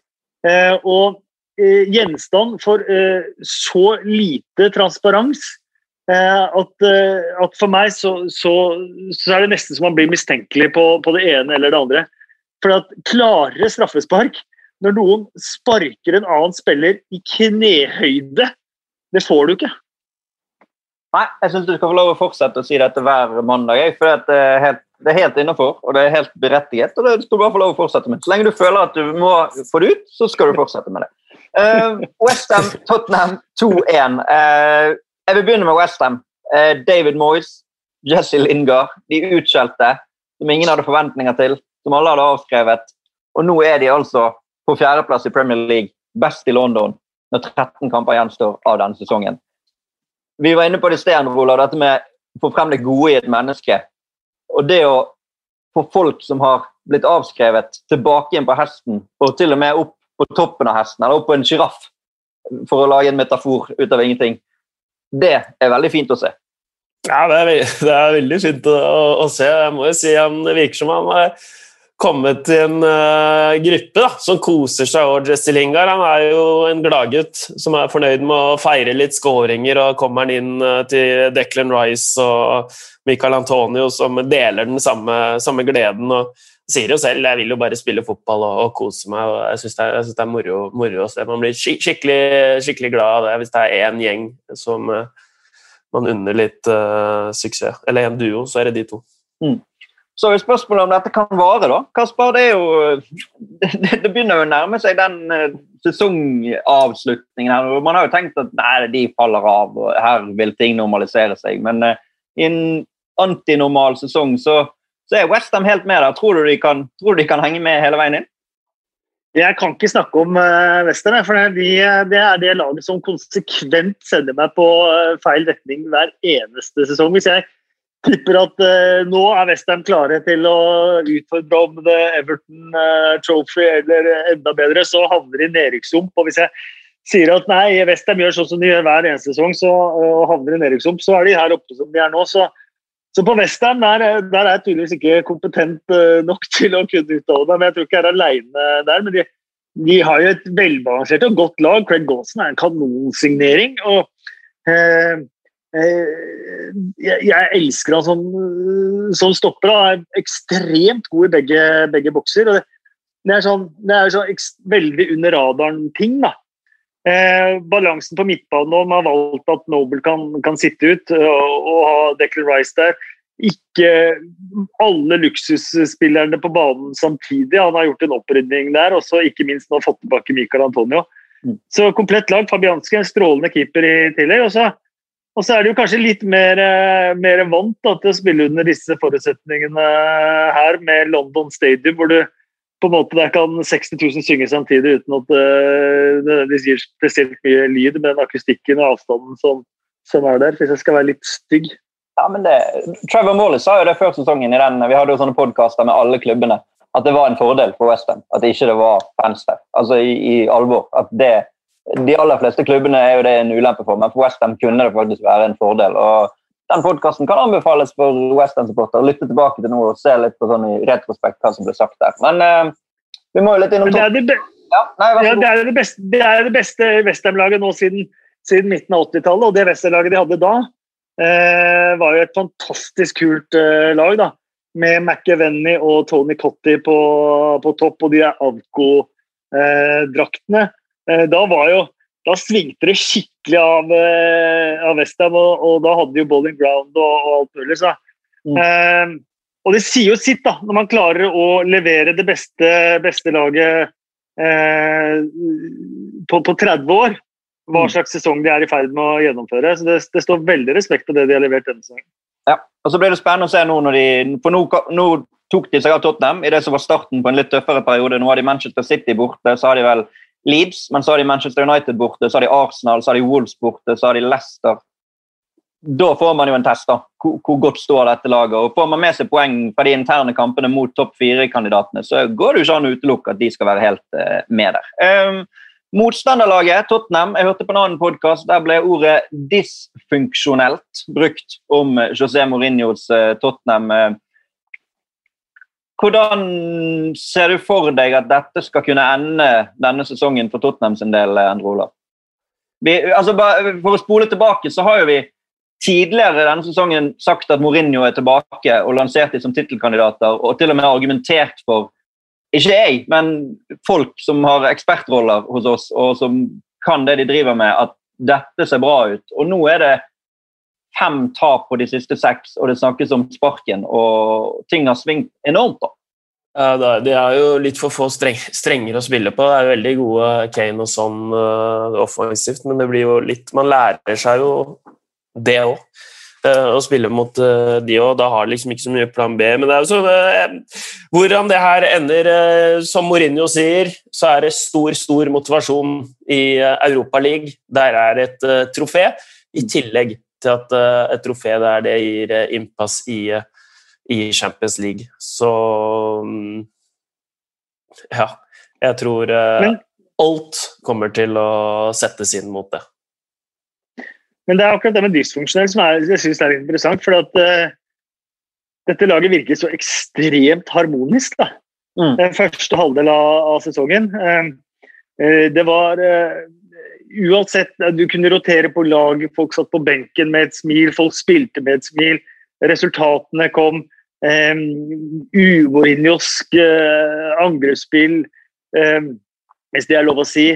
Um, det virka som uh, fotball var litt tilbake i Mourinhos uh, spor uh, under, under, korona. Teoriene var jo litt det også at siden de der pressing-statsene har gått såpass mye ned med tanke på kamper og manglende eh, fysisk grunnlag og sånt, så var fotballen tilbake der Mourinho på en måte var på sitt eh, beste da, i, i Chelsea. Jeg har jo vært veldig kritisk til Mourinho, spesielt etter å ha sett All or Nothing-serien. Jeg mener at jeg mista min siste rest av tro på Mourinho. Jeg var jo i podkasten her før jul og svelgte både én og to kameler på akkurat, på akkurat det. Men kanskje det var litt litt prematurt. Postmatch-intervjuet til Mourinho nå også, hvor han snakker om at det finnes ting her nå som det ikke er mulig for meg eller noen trener å ordne opp i. Ehm, jeg skjønte ikke helt hva han siktet til, men når han begynner med sånne uttalelser, så eh, ville jeg blitt bekymra oppå bekymringen hvis jeg var, eh, hadde Spurs-hjerte. Mm. Men ja, de er ikke, de er ikke eh, heldige i den kampen der heller, da. Det skal sies. Nei da, og det er jo et poeng. Altså det, de, de, er jo eh, håpløse i starten, og de håpløse starten andre omgang, men ellers så er det faktisk en del positivt å ta med fra akkurat denne kampen. Isolert sett, denne kampen mot en god motstander viser jo at Tottenham kan men når det da blir resultatmessig feil igjen, så blir det vanskelig. sant? Altså, jeg tenker sånn, I fotball så er det fire utfall. Enten så kan du vinne og fortjene det. Du kan vinne og ikke fortjene det. Du kan tape og fortjene det, eller du kan tape og ikke fortjene det. Eller altså ikke nødvendigvis vinne, men få et resultat som du er fornøyd med. Eh, Mourinho han vil aldri bli akseptert for å tape på noen av måtene, og han vil heller ikke bli akseptert ved å vinne uten å fortjene det. Han vil kun bli akseptert i de tilfellene der han vinner og fortjener det. Mens f.eks. Pochettino, som Tottenham-supporterne elsker, der kunne man akseptert selvfølgelig alle former for seier, men også et tap der man hadde fortjent å vinne. Så han har liksom tre av fire positive utfall, mens Mourinho i teorien nesten bare ett av fire positive utfall. Og den Mourinho-debatten er jo blitt en sånn enorm populistisk greie i Tottenham-miljøet. For han har vært avskrevet fra dag én av veldig mange. Og en del supportere sitter til og med nesten og håper at Tottenham skal tape, sånn at de skal få gjennomslag for sin, eh, sitt synspunkt om at Mourinho burde aldri vært der. Eh, og så skjønner jeg at det går an å være kritisk til Mourinho. og Det er nok i strid med Tottenhams DNA at han burde vært ansatt i det hele tatt. Eh, og basert på måten han eh, sluttet på i Chelsea, måten han sluttet på i Manchester United, lett å avskrive han. Eh, jeg syns fremdeles det er for tidlig å felle en dom og si at han er avskrevet nå, basert på at de akkurat nå har vært svake. For det har de vært. 12 eh, poeng på de siste 13 kampene er jo bunnlag. altså Det er jo nedrykksform. Eh, fra de ledet serien etter 11 runder til de nå er midt på tabellen etter 24. Så må det sies at nå skal de inn i et kampprogram der de skal nesten bare møte motstandere de vil være favoritt mot. Eh, de møter Burnley, Fulham og Crystal Palace på en uke. Vinner Tottenham de tre kampene sine på den uken, 8. mars Vi kan ta opp igjen status 8. mars. Hvis Tottenham vinner de tre kampene, så er de sannsynligvis to-tre poeng bak topp fire igjen allerede da. Så det, det, er tidlig å liksom felle en dom på ting. da. Og så er jeg helt med på at Tottenham er en stor klubb. Mourinho bør få bedre, mer ut av et mannskap. Men når det da svingte så enormt som det gjorde, for det gikk jo veldig veldig bra i en periode, at man da skal sage han eh, når det går veldig dårlig, det er, det er jeg skeptisk til. Og så kan det gå til at jeg er preget av at jeg har vært mer positiv til Mourinho enn mange over tid. Det er jeg helt med på. Det kan godt hende jeg er. Men hvis Tottenham kommer tilbake igjen litt på det sporet der de begynner å vinne kamper igjen, så er det ikke utenkelig at de får mer poeng enn et par av de lagene som gikk til Champions League fikk forrige sesong. sant? Så jeg mener jo at nå har de noen kamper fremover som man må vente med å se hvordan det går, før man kan komme med en ordentlig dom. Jeg tror, han, jeg tror ikke han lever farlig. Jeg tror ikke det er noe fare for at Danny Levy sparker Mourinho nå. Han har allerede ledet en ligacupfinale, og du nevnte den Europaligaen som blir viktig fremover. da. Og så er jeg helt med på at uh, kan godt hende jeg er for positiv til Mourinho, og at jeg liker å være kontrær og komme med et uh, argument som uh, går mot andre. Men jeg mener uansett at det å bruke liksom, den siste tomånedersperioden som bevis på at Mourinho er ferdig, blir for enkelt når man for to måneder siden sa at nå er han tilbake. Det ble veldig langt. Dere fikk tid til å drikke masse kaffe. Ja, men jeg, jeg, Nei, men jeg, jeg Gode refleksjoner, Helge, men jeg er ikke helt, jeg er ikke helt enig. fordi at hvis man skal se på sånn, prosjekt Mourinho, da, så er resultater én ting. Eh, spillestil, hvordan man fremstår, det, det, er en annen ting. Og, eh, og noen klubber har, har tradisjoner for, og, og, og, en historie for hvordan man ønsker å spille, hvordan man ønsker å, å framstå. Andre klubber har eh, tradisjoner i, i, i troféskapet og, sånt. Og Tottenham er blant de eh, lagene og klubbene som, hvor det er veldig sterk kultur eh, for hva slags lag man sender ut på banen. Første som hentet to fantastiske argentinere, Ricky Villa og Ossi Ardiles uh, f.eks. I, i, i sin tid. Uh, entertainere og underholdere, alt fra Gassa til Glenn Hoddle til, til Klinsmann. Det, går en, det, går en, rød tråd hele veien der. Da, da, er, da, er, José Mourinho på en måte antidoten av, av det. Så, så, så, så, dette er større enn de siste tre kamper eller de siste ti, ti kamper, sånn sett, spør du meg. Og Derfor syns jeg også eh, på en måte, det var, det var, det var å strekke hendene i og si litt, vi, har, vi har tapt ved, ved, å ansette Mourinho i, i det hele tatt. Da. Eh, nå er vi lei av å ikke vinne. Eh, nå skal vi ha noen trofeer i skapet i tillegg, koste hva det koste vil, selv om vi må svelge masse kameler for å komme dit. Eh, og det kanskje han leverer allerede nå med, med ligacuptriumfen. De har ikke vunnet noe siden 2007, det var vel ligacupen eh, da også. Så, 2008, ok. Men da, da, får man, da, får man, noe igjen for det. Eh, for meg så ville den naturlige arvtakeren etter Pochettino vært Brendan Rogers. For den andre delen også, eh, med Mourinho, er hvilke spillere eh, har blitt bedre og utvikla seg under José Mourinho. Hvilke unge spillere har kommet opp og, og, og, og virkelig blitt bedre. Hvis vi ser på Brenn Rogers, så har den jobben han gjorde i Swansea, helt vanvittig bra. vi skal ikke glemme at i Liverpool så var han også eh, Han var, han, han var eh, Gerards skliding fra å faktisk bringe det ligagullet eh, tilbake til, til, Anfield. Det han har gjort i Leicester, eh, og gjort Leicester til en stabil toppklubb som, som, som, splitter opp Big Six hver eneste sesong. Og hvor spillere utvikler seg og blir bedre for hver eneste sesong. I tillegg til en spillestil som er akkurat sånn Tottenham nesten skulle ønske at de kunne spille. Med Tottenham har jo en Brendan Rogers-stall, hvis du ser på spillerstallen til, til, eh, til Tottenham. Eh, så for meg så, så, er det klart at velger man å gå for Mourinho, Mourinho da, som man har valgt å gå for, så er det klart at da må man, man må stå i det da, på et vis. Eh, og kan ikke bare si farvel ved, ved første eneste, nei, første korsvei, liksom. Men for meg så, så, så har jeg vært skeptisk til ansettelsen av Mourinho hele veien. og som jeg før jul så må jeg innrømme at da, det fikk meg til å tenke bare wow, eh, kanskje jeg har tatt eh, skikkelig feil. Eh, men jeg er ikke så sikker på om jeg har gjort det, altså. Det, det, det må jeg si. Neida, det, men det, jo, det, var jo det jeg sa også, sant? at det, det var kanskje feil i utgangspunktet. Altså, han burde aldri vært ansatt fordi at han strider sånn mot det klubben står for. Eh, men når man da har valgt og, altså, og Pochettino burde aldri vært sparket. Sant? Han burde vært den som fikk muligheten til å fornye dette laget. Altså, det, er veldig, det, er et veldig lett uh, ståsted å ta, og det kan jeg være med på. at selvfølgelig Pochettino hadde fortjent Pochettino var ferdig. Jo, men sant Guardiola De var ferdig med hverandre, liksom. Jo, men Guardiola var ferdig i høst, og du ser hvordan det er nå. Altså, det ja. argumentet kan brukes om at det kunne Pochettino også gjort. Sant? Pochettino har for øvrig den... Pochettino også var ferdig i hodet sitt. Ja da, det tror, jeg også. Ja. det tror jeg også. Han har for øvrig den dårligste starten til noen PSG-trener i Qatar-æraen per nå. Så det er jo et håp. Mange sitter jo og drømmer om at fyken der og kan komme tilbake til Tottenham og ta over for Mourinho igjen. Og han har fått den pausen fra livet som han har håpet. Men, men, jeg er helt med på det, sant? at Mourinho burde aldri vært ansatt av Tottenham fordi at Tottenham er det Tottenham er. Eh, jeg håper Litt som det samme som Moyes. Tenk hvor deilig det hadde vært om Mourinho kunne klart å slå tilbake.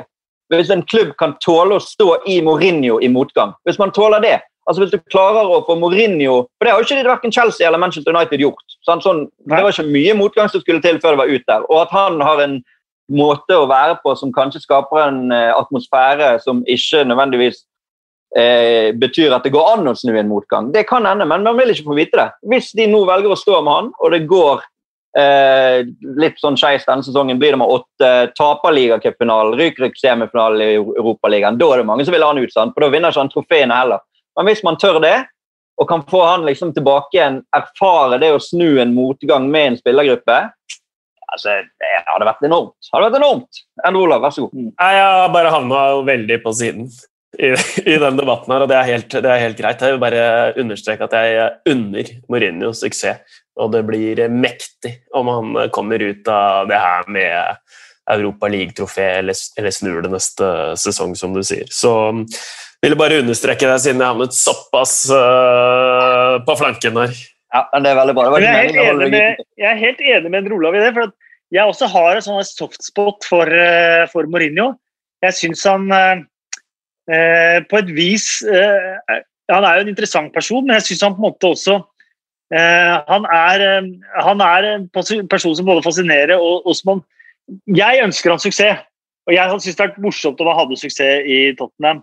Eh, absolutt. Og jeg har sett managere få dårlige spørsmål i, i pressesoner og sånn etter kamp, som har oppført seg ordentlig dårlig mot, eh, mot folk som ikke har fortjent det. Eh, mens jeg har sett Mourinho være skikkelig fair mot folk til tross for eh, idiotiske spørsmål. Og vært en ordentlig og standup-fyr overfor mennesker rundt. Og det er jo det er jo sånne menneskelige egenskaper som, eh, som, som resonnerer veldig med meg. da. Eh, og det, Du så det på Ullevål stadion nå, faktisk. Eh, på Manchester United-Vålerenga. Alle spillere ga fullstendig beng i de 5000 som sto utafor eh, inngangen der. Mens Mourinho, da han kom ut av bussen, så tok han seg altså tid til hver eneste bortover på begge sider av gjerdet til selfier og autografer og liten prat. Han tok med seg egen maskot ut på banen. og Det er inntrykket mitt også i, i pressesoner. og sånn, og Jeg har også vært i den situasjonen hvor jeg har stilt et spørsmål som han har virkelig tatt offens av, og han hang meg opp eh, på garderobekroken. Eh, men han eh, var også eh, grei nok til å slenge meg ned igjen da, og svare skikkelig bra på mine nesten to, to spørsmål og være ordentlig real. Da. Jeg tror at i Mourinho så, så har du en, en, fin og bra og real fyr bak den den Mourinho-maska da, som han ofte blir kjent med.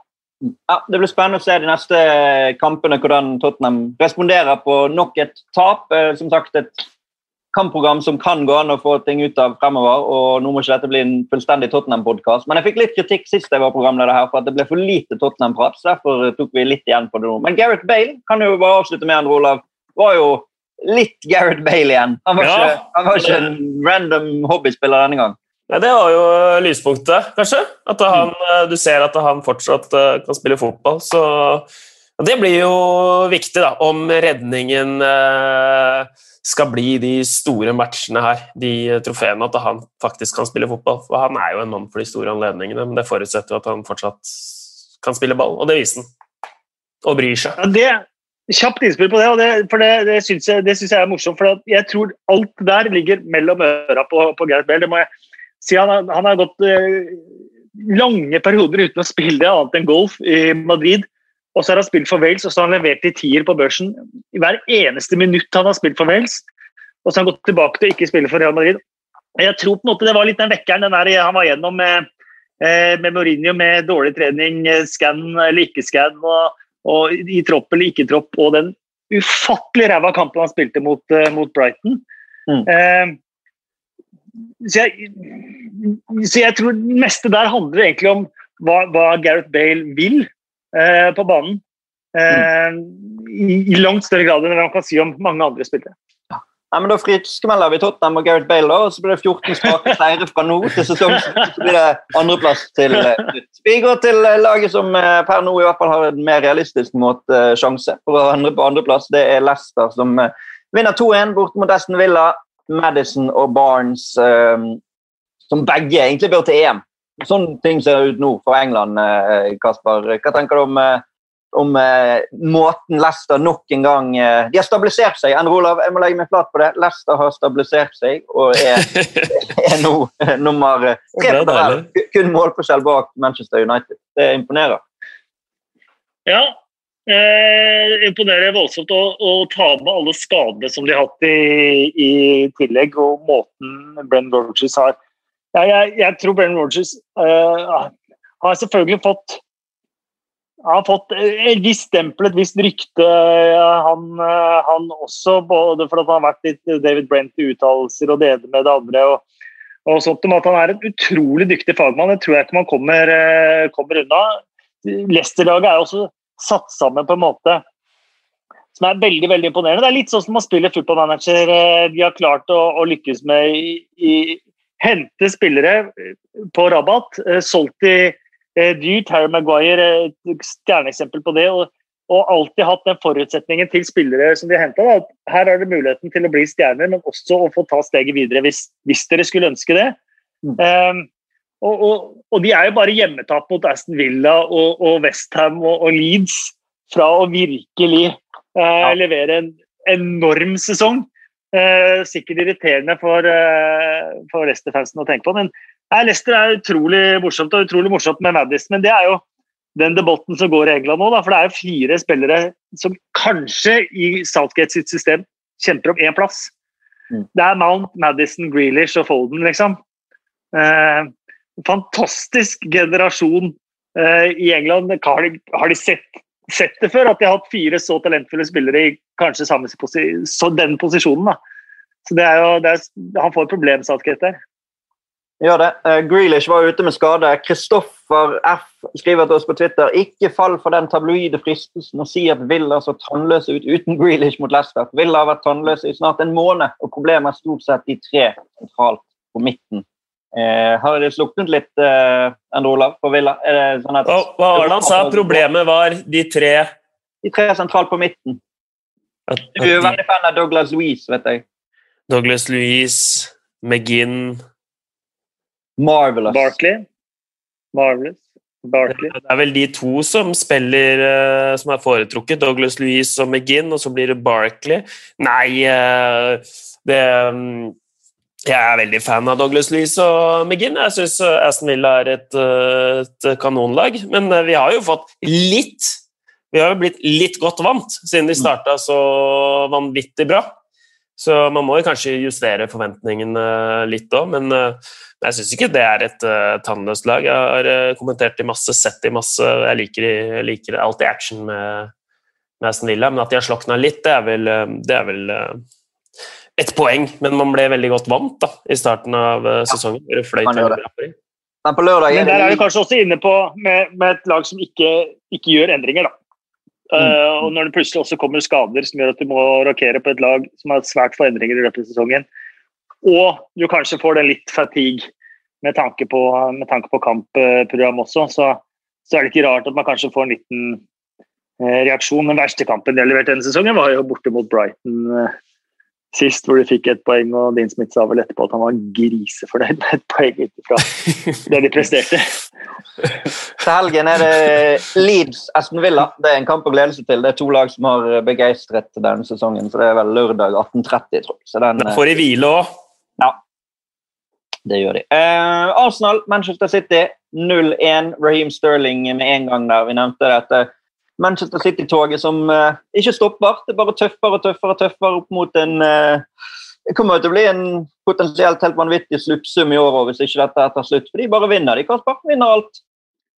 Ja, og det, det blir sånn, så, det er litt sånn beklaget til Manchester City-fansen. Jeg husker fra de tidligere sesongene også, hvor de bare har vunnet uh, alt. at det, det er nesten umulig å finne noe å ta tak i med dem, for de er så ufattelig gode. og og de setter rekord etter rekord hver eneste, hver eneste runde. Så er det en eller annen ny rekord som, eh, som de enten slår eller er i ferd med å, med å slå. Så, eh, så, det er egentlig bare å, å så, Det som er, er jo man skal huske på måten de kom inn i sesongen på. De måtte starte en uke senere fordi de hadde vært i Europacup. De fikk en rekordkort eh, preseason.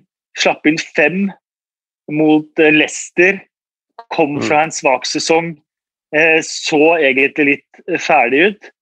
Ehm, og så har man på en måte snudd, da, og Guardiola eh, sa jo det også i starten av sesongen, vel, at, at dette her skal ikke dømme oss på dette her. Denne sesongen så handler alt om å være i, i, i form til rett tid. Og det er vel det de har siktet seg inn på. Så, så de har en bredde i stallen som, som kanskje ingen andre kan, er i nærheten av matche i, i eh, Premier League. Eh, som gjør at det, huske, Aguero har vel ikke skåra siden januar i fjor i Premier League. Stemmer, han har, men han har jo eh, spilt 148 minutter Premier League-fotball. Ja, ja. Men da har det klart seg uten Aguero. David Silva har forsvunnet. Vincent Company har forsvunnet. Eh, før det så forsvant liksom resten av den derre mesterlagsryggraden. Og når i, Eh, til, når i tillegg skulle inn i den perioden her, eh, Kasper, med Liverpool, eh, Tottenham, Everton Nå er jo uten det brødene, da, Ja, som er tilbake så han har vært skadd, og Gundogan har vært eh, inne og tatt ansvar. Så, det er veldig det er imponerende det de har, har, har gjort, og, og måten, måten de har gjort det på, da, er ekstremt imponerende. og det det vitner om en klubb som ikke bare har uh, brukt milliarder på spillere, så de har fantastisk spillerstab, men som har brukt uh, ressursene ekstremt riktig på alt som foregår rundt laget. Eh, både sports science, medisinsk team, trenerteam, fysio, alt. I absolutt alle ledd. da. At det er en organisasjon som, som alle burde, burde se til. Ja, og så er det jo selvfølgelig disse pengene som, som du nevner. Det er ikke så lett. Altså, De har jo hatt de pengene, da. de har jo fått en gave der med å, med å ha de pengene. Men de har forvaltet de godt. Vi trenger ikke å gi oss ut på den diskusjonen. Nå, Arsenal, da. Nei, Det er helt unødvendig. Og det, og det, og det er ikke sånn det er ikke sånn at de andre lagene ikke har, har penger til å gjøre alt dette rundt. Eh, Jeg ser, eh, ser, ser nå at det er kommet en helt ny, eh, eller ganske ny maskin som gjør at du kan sette en spiller inn i en play, virtuell PlayStation-verden. Eh, tysk, noen tyske lag har brukt denne maskinen. Den koster borti en million pund. Eh, jeg, vet, jeg har aldri sett den maskinen, jeg vet ikke helt hvordan man skal bruke det. heller. Men Dette er et fantastisk redskap for å utvikle spillere. Eh, eh, så er, det, så, er, så er dette redskap brukt riktig, som absolutt alle lag i den øverste divisjonen i England har råd til. Eh, så, så, så det er jo alle klubbene i Premier League tjener såpass mye penger at de burde ha et budsjett som gjør eh, at de kan ha blant de beste apparatene rundt et lag i verden. Da. Ikke Burnley. Sean Dyche får ikke bruke en million pund på en robot når han ikke får bruke en million pund på en spiller engang. Nå har de fått nye eiere, men eh, det var en eh, anekdote, en digresjon som ikke skal brukes her. Arsenal, mid-table, 1-1-3 på de siste fem kampene etter en eh, periode der man var i ferd med å friskmelde de litt igjen. Hva, eh, hva tror vi der eh, utover eh, De er inne i det som er en tøff periode av tøffe motstandere nå, de også. og de må vinne disse kampene for å klatre. Endre Olav. Ja, og tøff, tøff reisevei. da. De, var jo i, På torsdag var de jo i, i Roma og møtte Benfica, og så skal de hjem bare med et par to hviledager og møte Manchester City. Og så drar de ned igjen og skal spille mot Benfica i Hellas på Olympiakos sin hjemmebane. Så det er jo ikke, det er jo ikke veldig ideelt eh, heller, og det, det var uavgjort i den første matchen der mot Benfica 1-1. For meg kunne det nesten se ut som at eh, Arteta hadde den kampen veldig i bakhodet, da, når han gjorde fem uh, endringer. Det var uh, spillere som uh, Ja, at han nesten satte Europa League først, uh, når jeg så det laguttaket. Så de var inne i det. Det, det skal de ha før pause. Så de, da så de veldig spennende ut, men så kom de ut i andre omgang og de møter et lag som eh, vi har betydelig vært inne på, men de har vunnet de siste 17 kampene, så det er ikke akkurat noe krise eh, å tape 1-0 for Manchester City når de har vunnet 17 strake. Men eh, det er den Europaligaen jeg tror de har litt i bakhodet, så de må bare ta seg videre der. Skåre noen mål. eh, Nå er det vel hjemmekamp i Hellas, det var bortekamp i Italia. så vi får se om bortemålene blir utslagsgivende. De har Leicester borte til helgen, og så har de Burnley borte. Så har de Nord-London Derby hjemme, så har de Westham borte, og så har de Liverpool i løpet av sine neste kamper. Så hvis de skal ha en, fremdeles en teoretisk mulighet om å, å hive seg med i den kampen om disse Champions League-plassene, så må de nok vinne i hvert fall tre-fire av de fem kampene. Det kan de gjøre. Eller så må jeg jo bare reklamere litt, for skal jeg kommentere den uh, Arsenal-Benfica der. Uh, der er det jo noen klassikere. Det er jo innslag av Nord-London-derby med Jan Fertongen bak hos Benfica, og så Tarapt uh, i en dyp sentral uh, for Ja, Benfica. Litt, litt utrent dyp sentral som han uh, behersker veldig veldig godt. Og så er Otamendi inn i forsvaret der òg, så den, den tror jeg blir bra.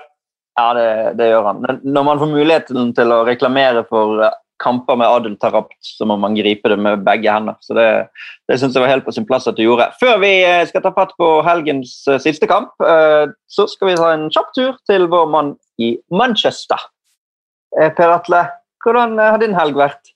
Nei, Det har jo vært eh, veldig kul, helg, det må jeg jo si. Jeg blir jo bestevenner med alle, alle mulige rart av menneskene. her. Chris Wilder selvfølgelig, og, og nå da Roy Keane som føyer seg inn i den rekka. og det, det å få møte han og, og se, sitte og se en fotballkamp sammen med han, det, det var, en, var, en, stor opplevelse. Altså man, man, har jo selvfølgelig et, et bilde på mannen før man går inn i rommet og, skal møte når man ser for seg liksom den her harde, eh, litt sånn direkte, og kanskje på grensa til ufine typen. Eh, men, eh, men, så feil kan vi altså ta, for det var Nei, Det var bare en eh, kjempefin opplevelse. Hyggelig fyr, hjelpsom, omgjengelig. Eh, og når vi satt og så, så fotballkamp, og det var jo som å se kamp med en hvilken som helst kompis etter hvert. Sånn, så det var, nei, det var litt sånn surrealistisk opplevelse, egentlig, men eh, veldig artig.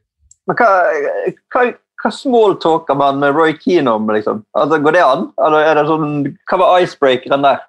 Nei, det, altså, det, går faktisk an å, å smalltalke. Altså, når han kom inn, så var det jo litt mye sånn um, obligatorisk. Da. Vi tok noen bilder, og så signerte vi noen noe trøyer. og, og litt sånn uh, forskjellig, og da, og da prata vi jo litt. Så vi, vi starta vel med å prate om, uh, om søndagsmiddagen hans. For uh, jeg sa jo det at bare å si fra, så bestiller jeg noe mat til, kampen. Her, men det trengte ikke jeg, for han hadde spist søndagsmiddag. og Det var liksom, det var hans favorittmåltid i løpet av uka. så Det var poteter, det var kylling og det var kjøtt. Det var ikke måte på. Det var kona som ordna det. Så, der brøt vi på en måte litt isen. Og så, og så under kampen Vi snakka egentlig mer eller mindre om alt mulig rart. Han stilte spørsmål, jeg stilte selvfølgelig spørsmål. Vi snakka om kampen. og vi ja, snakka bare om, om, livet generelt. Det var, var, helt nydelig. Og det er jo første gang jeg faktisk ser fotballkamp sammen med noen på ja, nesten et halvår. Og det var, ja, det var, ja, det var flott. En, en flott opplevelse.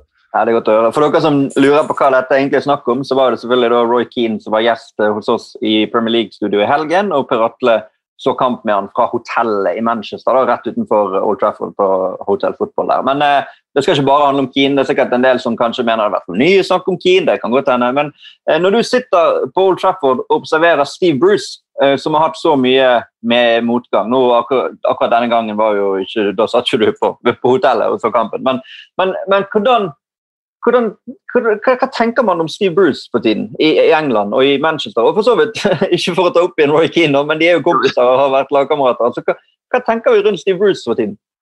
Det må jo bli Roy Keane igjen. Altså, vi snakka jo om, om, om, Steve Bruce. og han er jo på en måte en sånn som, som Keane i hvert fall sa, at han er, han er, jo en fighter og en stayer. og Han har jo vært med i det gamet her eh, såpass lenge at han, at han fortjener på en måte en, en viss respekt. Men samtidig så, så, var han veldig klar på at man, man skal ikke miste natt, nattesøvna for at det går, går, dårlig med Newcastle og, og Steve Bruce. Da, for Han mente jo at Steve Bruce har, har gitt opp såpass mange jobber at han, han syns ikke synd på han i hvert fall. Men um, så, altså han er jo veldig klar på Han føler ikke at Newcastle underpresterer. Han, eh, når han ser på det laget der, så sier han liksom at han, at han forventer et lag som skal ligge nedi nede i sumpa. og Det kan jo være at han har rett, og spesielt når de har, har mista en spiller som, som Callum Wilson, som kanskje er den viktigste spilleren deres. Det, ja, det er litt, sånn, litt begrensa eh, hva man har i det arsenalet sitt. og så De gjorde en god figur på Old Trafford i går, første gangen igjen spesielt, men så så, så detter det litt etter hvert, og, og kvalitet, kvalitetsforskjellene blir, blir, ganske synlige. Så jeg tror det, det, er litt sånn Steve Bruce er jo en mann, han får jo kritikk uansett. Han kunne ha vunnet ti kamper på rad, og han har kommet til å bli kritisert for et eller annet. Mm. Eh, og det er jo kanskje litt, eh, litt Steve Bruce, men ah, hva skal han ja, jeg, skjønner jo at Newcastle-supporterne vil ha mer, for det er jo på en måte historisk sett og, og altså en, en, tradisjonsrik, stor storklubb, egentlig. Og de har jo alle fasilitetene for å være en, en storklubb. Eh, men det er vel kanskje noe på den ledelsessida, kanskje managersida, jeg, jeg vet ikke, som, som, det, som holder dem tilbake. da. Mm. Vi skal ta tråden litt videre med Steve Bruce med de andre, men uh, før vi runder av med deg, hva skjer i Per Atles Manchester-uke i uken som kommer nå? Eller England-uke, da? England, ja, det blir, det blir faktisk en ganske, ganske rolig England-uke på min del. Jeg skal muligens på kamp på, på torsdag. Eh, Manchester United Real Sociedad i Europa League. Det er vel bare en sånn formalitetskamp. Eh, og så blir det jo å være med på, på en, del, eh, en, del, pressekonferanser, og så har vi noen intervjuer her og der med litt forskjellige folk. Eh, skal bl.a. møte eh, Ladies in Red, som er, som er en YouTube-kanal for noen damer som, som snakker om, om, Manchester United. Så det, så det, blir litt interessant å få, få det perspektivet. Og ja, bortsett fra det blir vel litt FM, da. Kanskje ut og gå seg en tur i ny og ne og litt forskjellig. Godt å få gått litt. Nei, men Det høres bra ut, eh, Per Atle. Vi må ha en fin uke, og så eh, høres vi på. Ja, det gjør vi. Vi snakkes. Den er god. Det var Per Atle, og magisk vis nå en Rolav og Kasper tilbake igjen her. Vi snakket så vidt med Per Atle der om Steve Bruce og at han ikke kan lykkes. Uansett hvordan bra han gjør det, så vil Newcastle-fansen ha han ut. Vi har jo Bjørn Vestblad, Bjørn Westtoon på Twitter som kommer med innspill til oss uh, ukentlig. Kan dere snakke om hvorfor Newcastle rykker ned? Nei, glem det. Kaktus til meg selv. Jeg gidder ikke mase mer om Steve Bruce. Alle kan se det. Alle som vil, i hvert fall.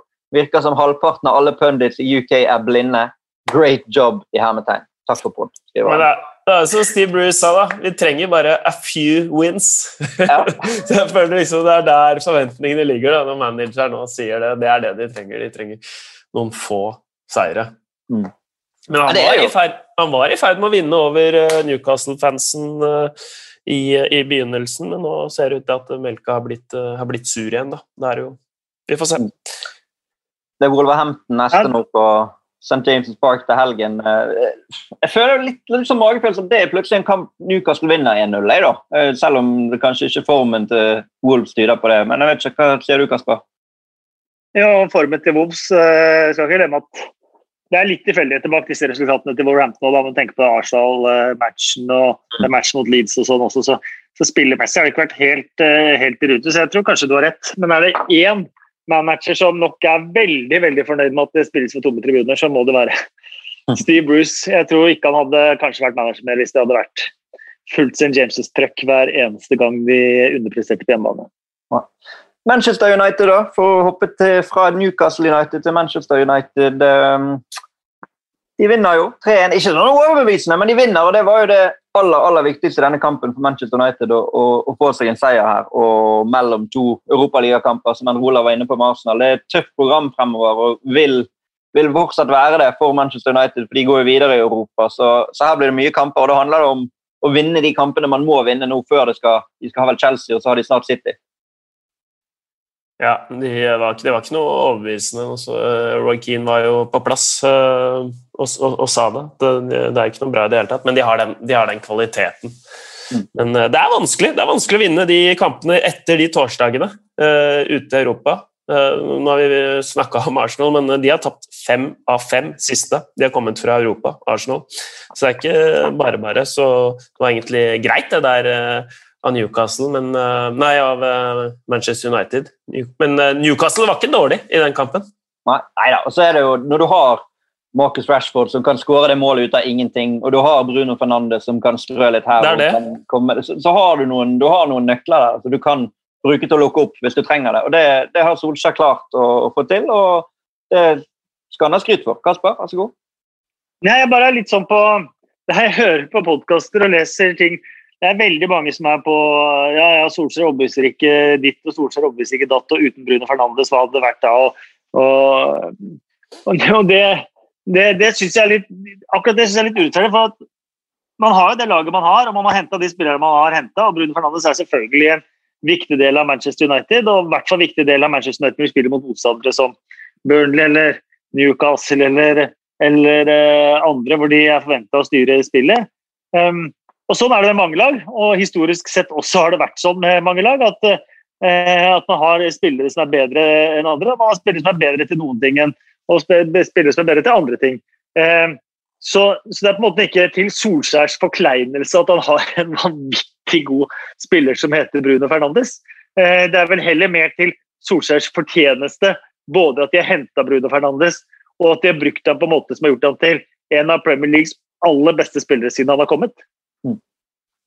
Eh, Jeg fikk jo en debutant der. Eh, Noen som vil prøve seg på uttalen av eh, Shola, som vel kom fra Newcastle. Og er det beste som har kommet fra Newcastle siden Shola Shortire? Short tire. Det var Ja, jo altså- være det. Short tire. Ja, og så var det noen som mente det var Shore Etire. Shore Etire. Så her kommer nok dere til å få, få pukkelen fremover når han skal begynne å herje for Manchester United og det blir nye ulike, ulike, nye ulike versjoner hver eneste uke. Men det er gøy at uh, unggutter får muligheten og det blir spennende å se han fremover. Noe mer fra den kampen Men- før vi går videre? Ja. Jeg bare så en så morsom en fra Mason Greenwood. at eh, Da Solskjær bodde i Manchester og var eh, U21 eh, og reservelagstrener, at guttungen, var det Noah, spilte på lag med Greenwood. Eh, så Solskjær har på en måte terpa Greenwoods eh, avslutningsteknikk siden Greenwood var seks-sju-åtte år. Eh, for da har Solskjær på plass og sett de spille knøttekamper og sånt. Og Solskjær har fulgt opp, eh, fulgt opp Greenwood og gitt han eh, hint og råd helt siden han var bitte liten rett ut av bleien omtrent. Det, det er jo en, det er jo en eh, morsom påvirkning på en, på en uh, spiller gjennom, gjennom lang tid. Da. Det bare gjør det ekstra fint både for Greenwood, men ikke minst for Solskjær å, å, å se Greenwood blomstre. Absolutt. Eh, siste spørsmål før vi går til de siste faste spaltene. Jørgen Klem sier dere må vel snakke litt om Stefan Johansen. Fire kamper, fire seire, ett mål. Nei, det må vi ikke, men jeg har veldig lyst til å nevne Jørgen Klem, og derfor sa jeg det. Stefan Johansen, Veldig gøy at han lykkes. Kasper, får vi Stefan Johansen tilbake i Premier League noen gang, tror du? Vi- Det er jeg ikke sikker på, men jeg er 100% enig i at Stefan Johansen eh, må nevnes. Ja, jeg, Eh, mente ikke, jeg, mente, ja, jeg mente ikke at jeg ikke skulle snakke om det nå, men det er ikke sånn at vi må snakke om Stefan Johansen hver uke. Det var det jeg mente. Men at, Ikke hver uke, nei. Men, de, men denne gangen Han har kommet inn i QPR. De har vunnet fire på rad.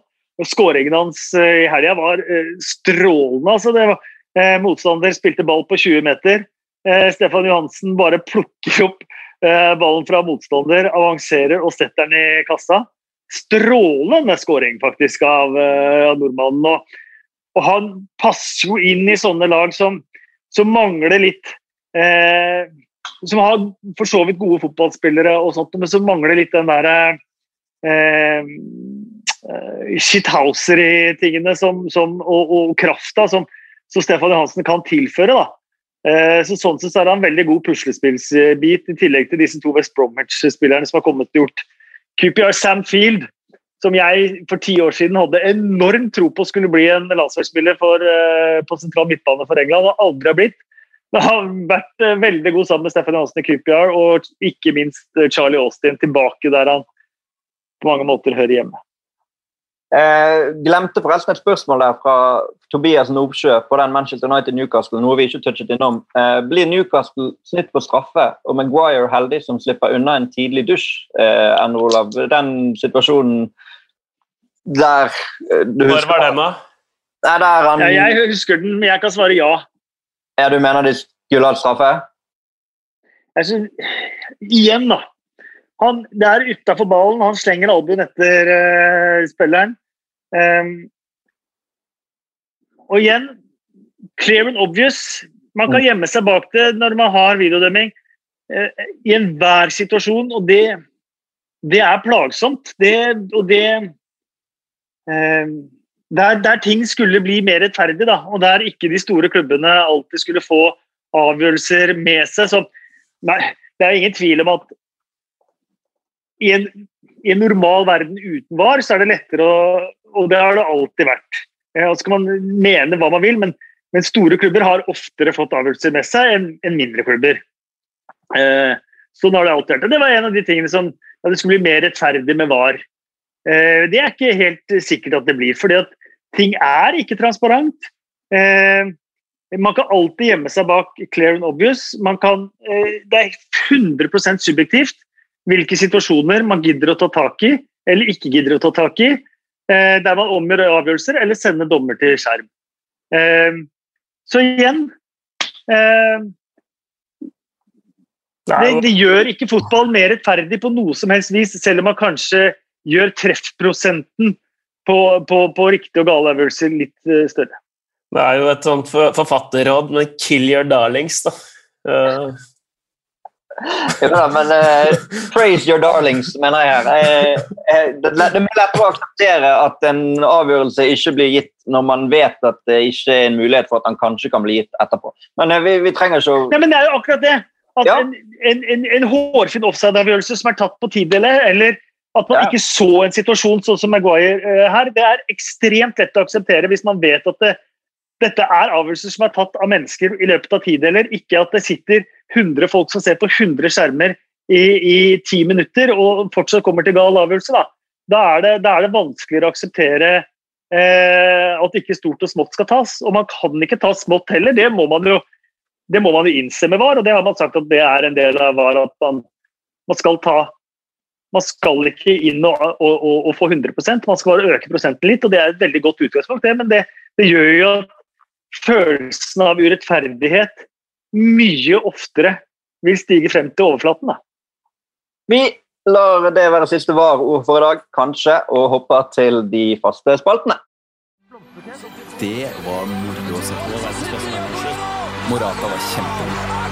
Hva i all verden? Han snakka ikke om seg sjæl, han snakka om dommeren. Da skal det deles ut litt helt på tampen her, og vi kan begynne med ja, Hva er best å begynne med? Kasper, det er du som egentlig eier denne podkasten. Hvor vil vi begynne? Jeg kan eh, gjerne gi min blomst, i hvert fall. Ja, da gjør du det. Eh, den er veldig hjertelig og ektefølt til eh, Jesse Lingard.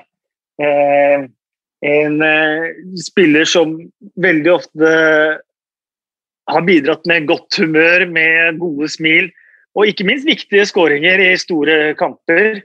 Eh, men som aldri verken lyktes helt sportslig Manchester United, eller lyktes helt med å vinne alle hjertene til alle fans. Men jeg tror han har vunnet alle hjertene til de han har spilt med, og de han har delt garderobe med, og de han har trent sammen og de han har vært sammen med. For jeg tror, jeg tror, Mitt inntrykk er at han er en enorm humørspreder. da. Eh, og I tillegg så har han slitt med en god del som han har vært åpen om å, å prate om på privaten. Eh, og Det er ikke enkelt, det har vi pratet om tidligere også i podkasten. Dette er jo det er vanlige mennesker med, med vanlige problemer som, som, tjener penger på å spille fotball. Og, og, og, mange av de problemene skal man ikke undervurdere.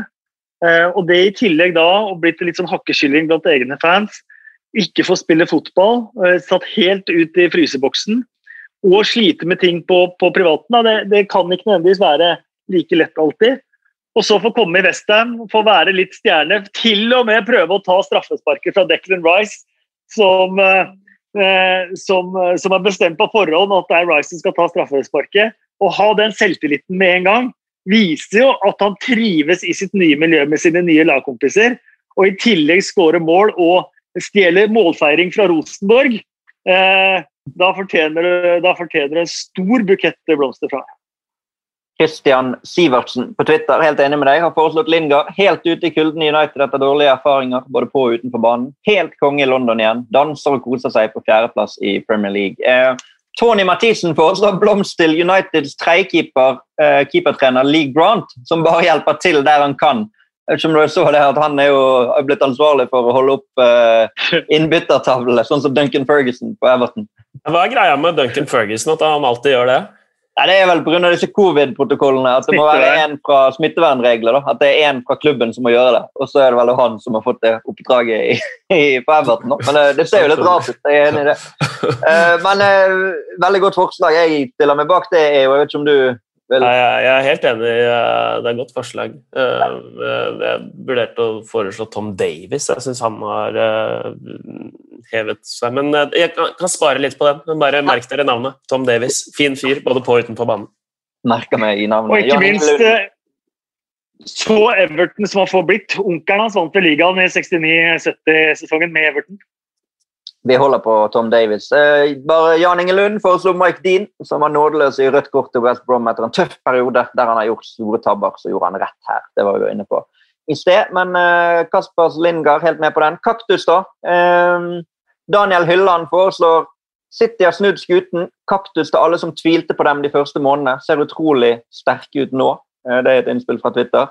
Bjørn Vestblad, vår Newcastle-supporter, har lyst til å gi kaktus til oss i redaksjonen fordi at eh, vi hadde en grusom disponering av sendingen i går. Jeg mente det ble for mye Roy Keane og for lite Newcastle. Det går jo an å argumentere for, selvfølgelig, men jeg tror ikke vi skal sitte her og liksom eh, ta, ta noe standpunkt der, eh, annet enn å si at folk har selvfølgelig lov å komme med de innspillene man vil. Endre Olav, har du lyst til å si noe? Jeg er jo, jeg er jo veldig glad i Newcastle, jeg. Uh, så jeg men jeg syns jo når man først har Roy Keane, da uh, i, Ja, det. det er vel ikke noen større kaptein uh, noensinne er det i Premier League-æraen. Han har jo løfta alt av bøtter på, på klubbnivå. Uh, Patrick Vieira ja da, ja da. Men øh, han er bøtteløfter, da. Og har jo vært øh, le leder, da, for øh, kanskje ja. ja. Uansett, når han sitter der, øh, så må man jo bare melke det for det det er verdt. Og jeg syns faktisk det var Som sagt, jeg er jo litt Newcastle-tung i en sånn uh, situasjon. Uh, men jeg, vil, jeg satte veldig stor pris på uh, å høre historiene hans fra innsiden og analyse, hva han tenker om Solskjær sin situasjon. Så ja, det er noen, noen ganger så er det ikke alltid beste løsningen med en 50-50-fordeling, tenker jeg. Andre forslag til kaktuser fra noen av dere? Noen som eh, sitter inne med et ønske om å henge noen opp på veggen? Nei, Nei, men det er jo Men det er bra, det. Du har sagt det Nei, ja, det er jo de der avgjørelsene som Ja. Ja, men det, kaktus at det var, altså det blir jo en farm av Det blir hver gang, det blir hver gang så Ja, derfor skal jeg ikke ta det opp. Hver eneste gang. Uten noe bedre alternativer, så kan det være helt greit, det. Forsvaret til Tottenham kan jo gjøre seg fortjent til en kaktus. Det er jo, det er jo en kjensgjerning. Det er at selv om eh, mange vil ha ut Mourinho, så er det jo en del som også poengterer at forsvarsspillerne til Tottenham ikke er gode nok og gjør for mange individuelle feil. og Det kan være et eh, argument, men det er helt greit med VAR. Vi går over et øyeblikk. Uh, Jan Ingen Lund foreslår uh, når Westham-spilleren skyter ball i beina på sånn, der ballen spretter over Fabianski og i stolpen på overtid. Og så med det motsatte oppgjøret i, i mente. Det, det, det, det er marginer mot for, for Tottenham der, da.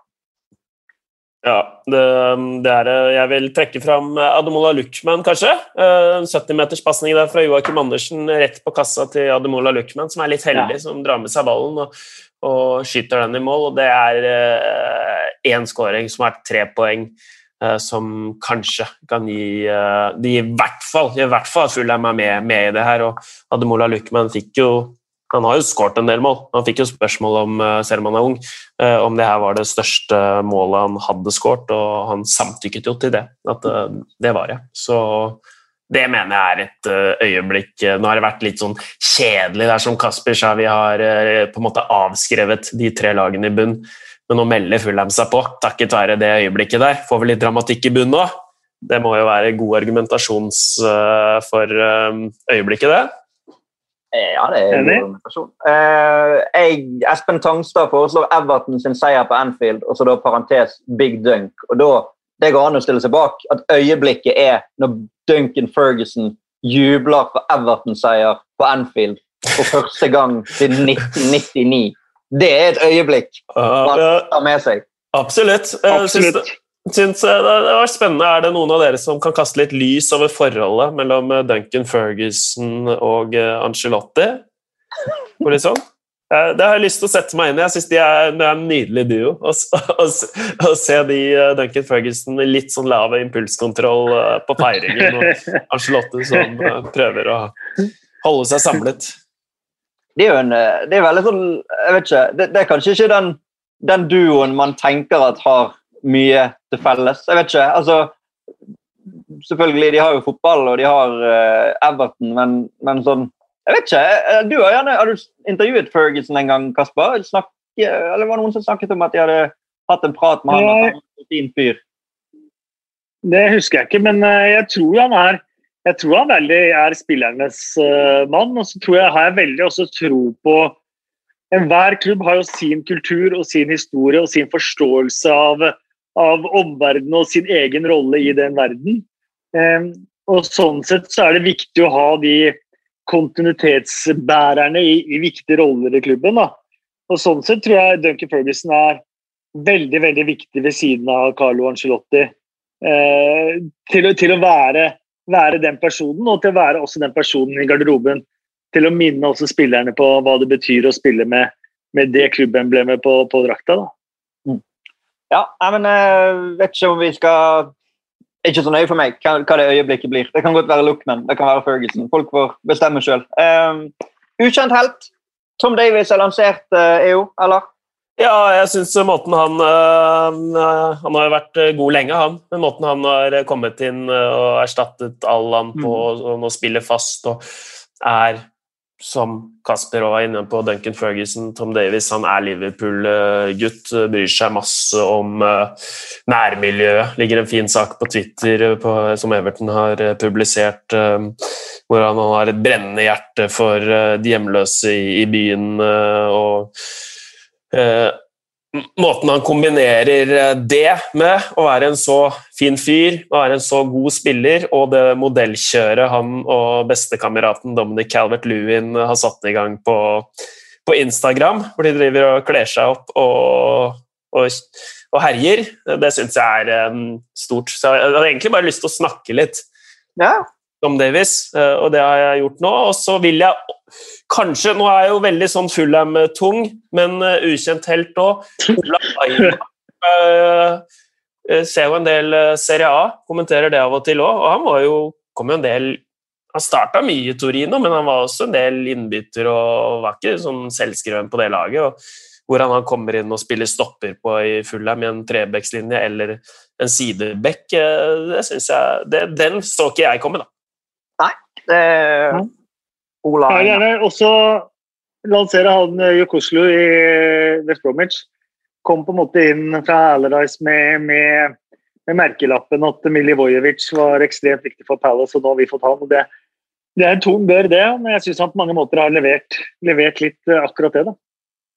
Ja, det er helt sant. Uh, ellers, uh, det sitter sikkert en eller annen i Manchester City-garderoben og smører sånn lim på venstrefoten til Riyad Mahrez, sånn at ballen limer seg til foten hans hver gang han skal dempe han. Det er ukens ukjente helt for meg. Han mannen med limtuben inni garderoben der. Eh, vi runder av der, vi. Og så skal ha fem kjappe spørsmål. Nei, vi må jo få svaret på quizen. Hva kopp har Kasper Wikestad? Skal vi ikke ha, skal vi ikke ha Bill Edgar òg? Jo da, det skal vi også. Men vi kan ta svaret på quizen nå, og så tar vi Bill Edgar etterpå. For eh, hvilken kopp er det du har med deg, Kasper? Det er eh, The Salopians, altså Shoesbury. Og dine hint var vel uh, Strawberry, det var Eden Hazar. Joe Hart, født og oppvokst i Shoesbury, uh, og spilte vel for klubben òg. Og Charles Darwin er fra byen. Så har vi fått konkludert den. og så Jeg var der og så cupkampen mot Westham for et par-tre år siden. Da sto Joe Hart for Westham. For Westham? Eller for Ja. ja. Så det var sånn comeback for han på Ja, Joe, Joe Hart sto for Westham og var så populær der at eh, da fikk sola i øya i andre omgang, så var Shoesbury-fansen kjappe med å kaste ned captain en Shoesbury-cap, og han sto da andre omgang med Shrewsbury-capen eh, faktisk for Westham. Der òg det endte 0-0, så Shoesbury klarte å få seg en omkamp der òg. Det er klasse. Vi går til Bill Edgar. Arsenals syv siste. Aldri skjedd! Første gang siden er den sjette spilleren. Fun factsene til Bill Edgar. Ja, eh, Bill Edgar er jo statistikkmannen i The Times, han eh, Helge. Og kom med sine statistiske eh, forundringer i, hver mandag i bilaget The Game. Vi liker jo å sitere det. Jeg vet ikke helt hvor stor expected wow vi har på det her, men hvis jeg var Liverpool-fan, så hadde jeg kanskje spolt et lite halvminutt på podkasten. Det er Grim. Grim høring for Liverpool-fans det neste lille minuttet, tror jeg. Eh, men eh, vi kan begynne med Minaminos eh, scoring på, på Mendy. Det er første gang i toppseriehistorien i England at en asiatisk spiller har skåret på en afrikansk keeper. Ja. Liverpool ligger an til å få 38 poeng færre enn forrige sesong. Det er det største droppet av poeng for en ligamester siden akkurat Everton, som vi har vært inne på, i 1969-70-sesongen. Så det vil i så fall bli det nest største droppet gjennom alle tider. Akkurat så vidt slått slår de da Leicester og Chelsea i mer nyere, nyere tid.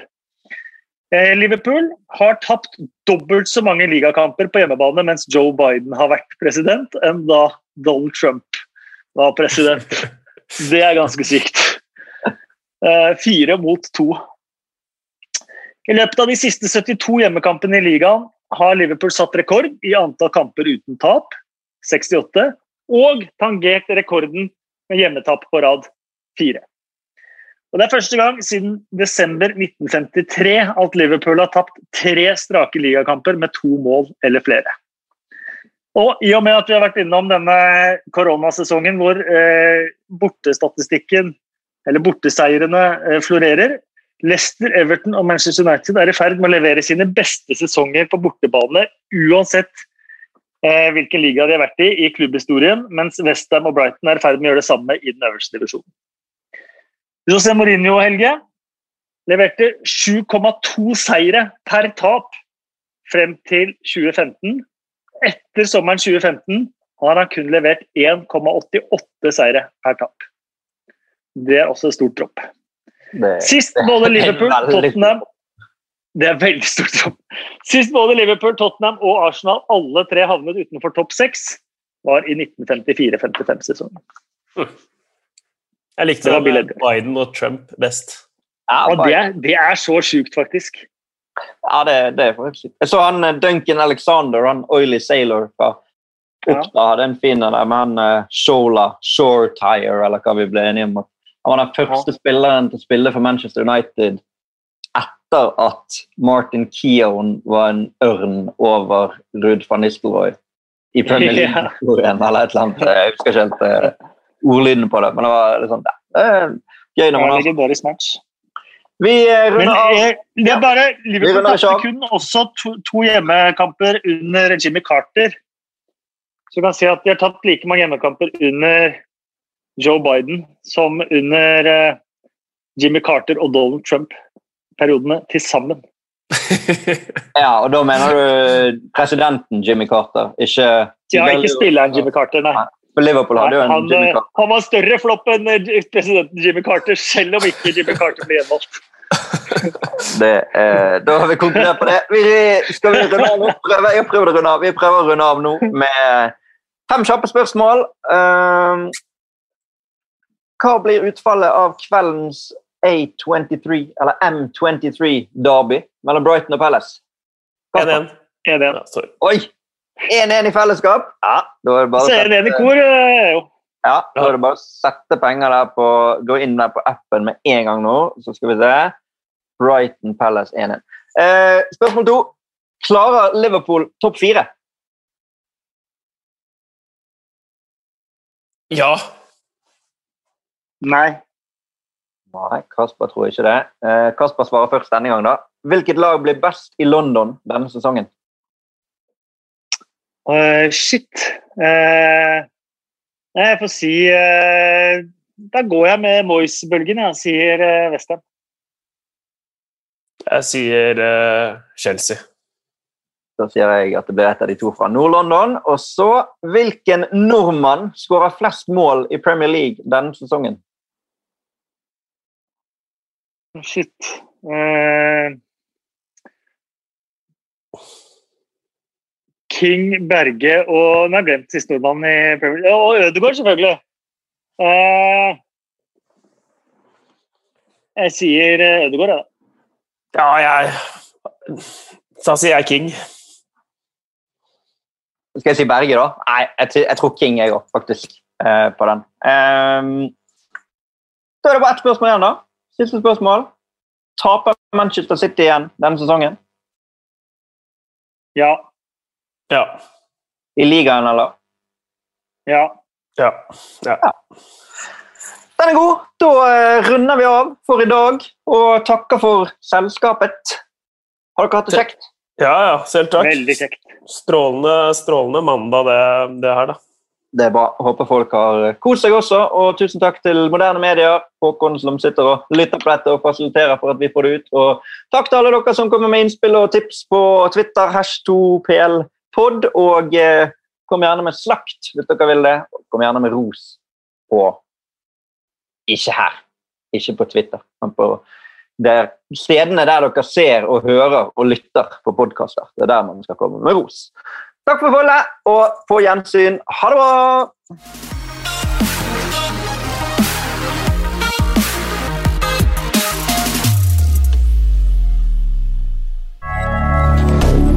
moderne media.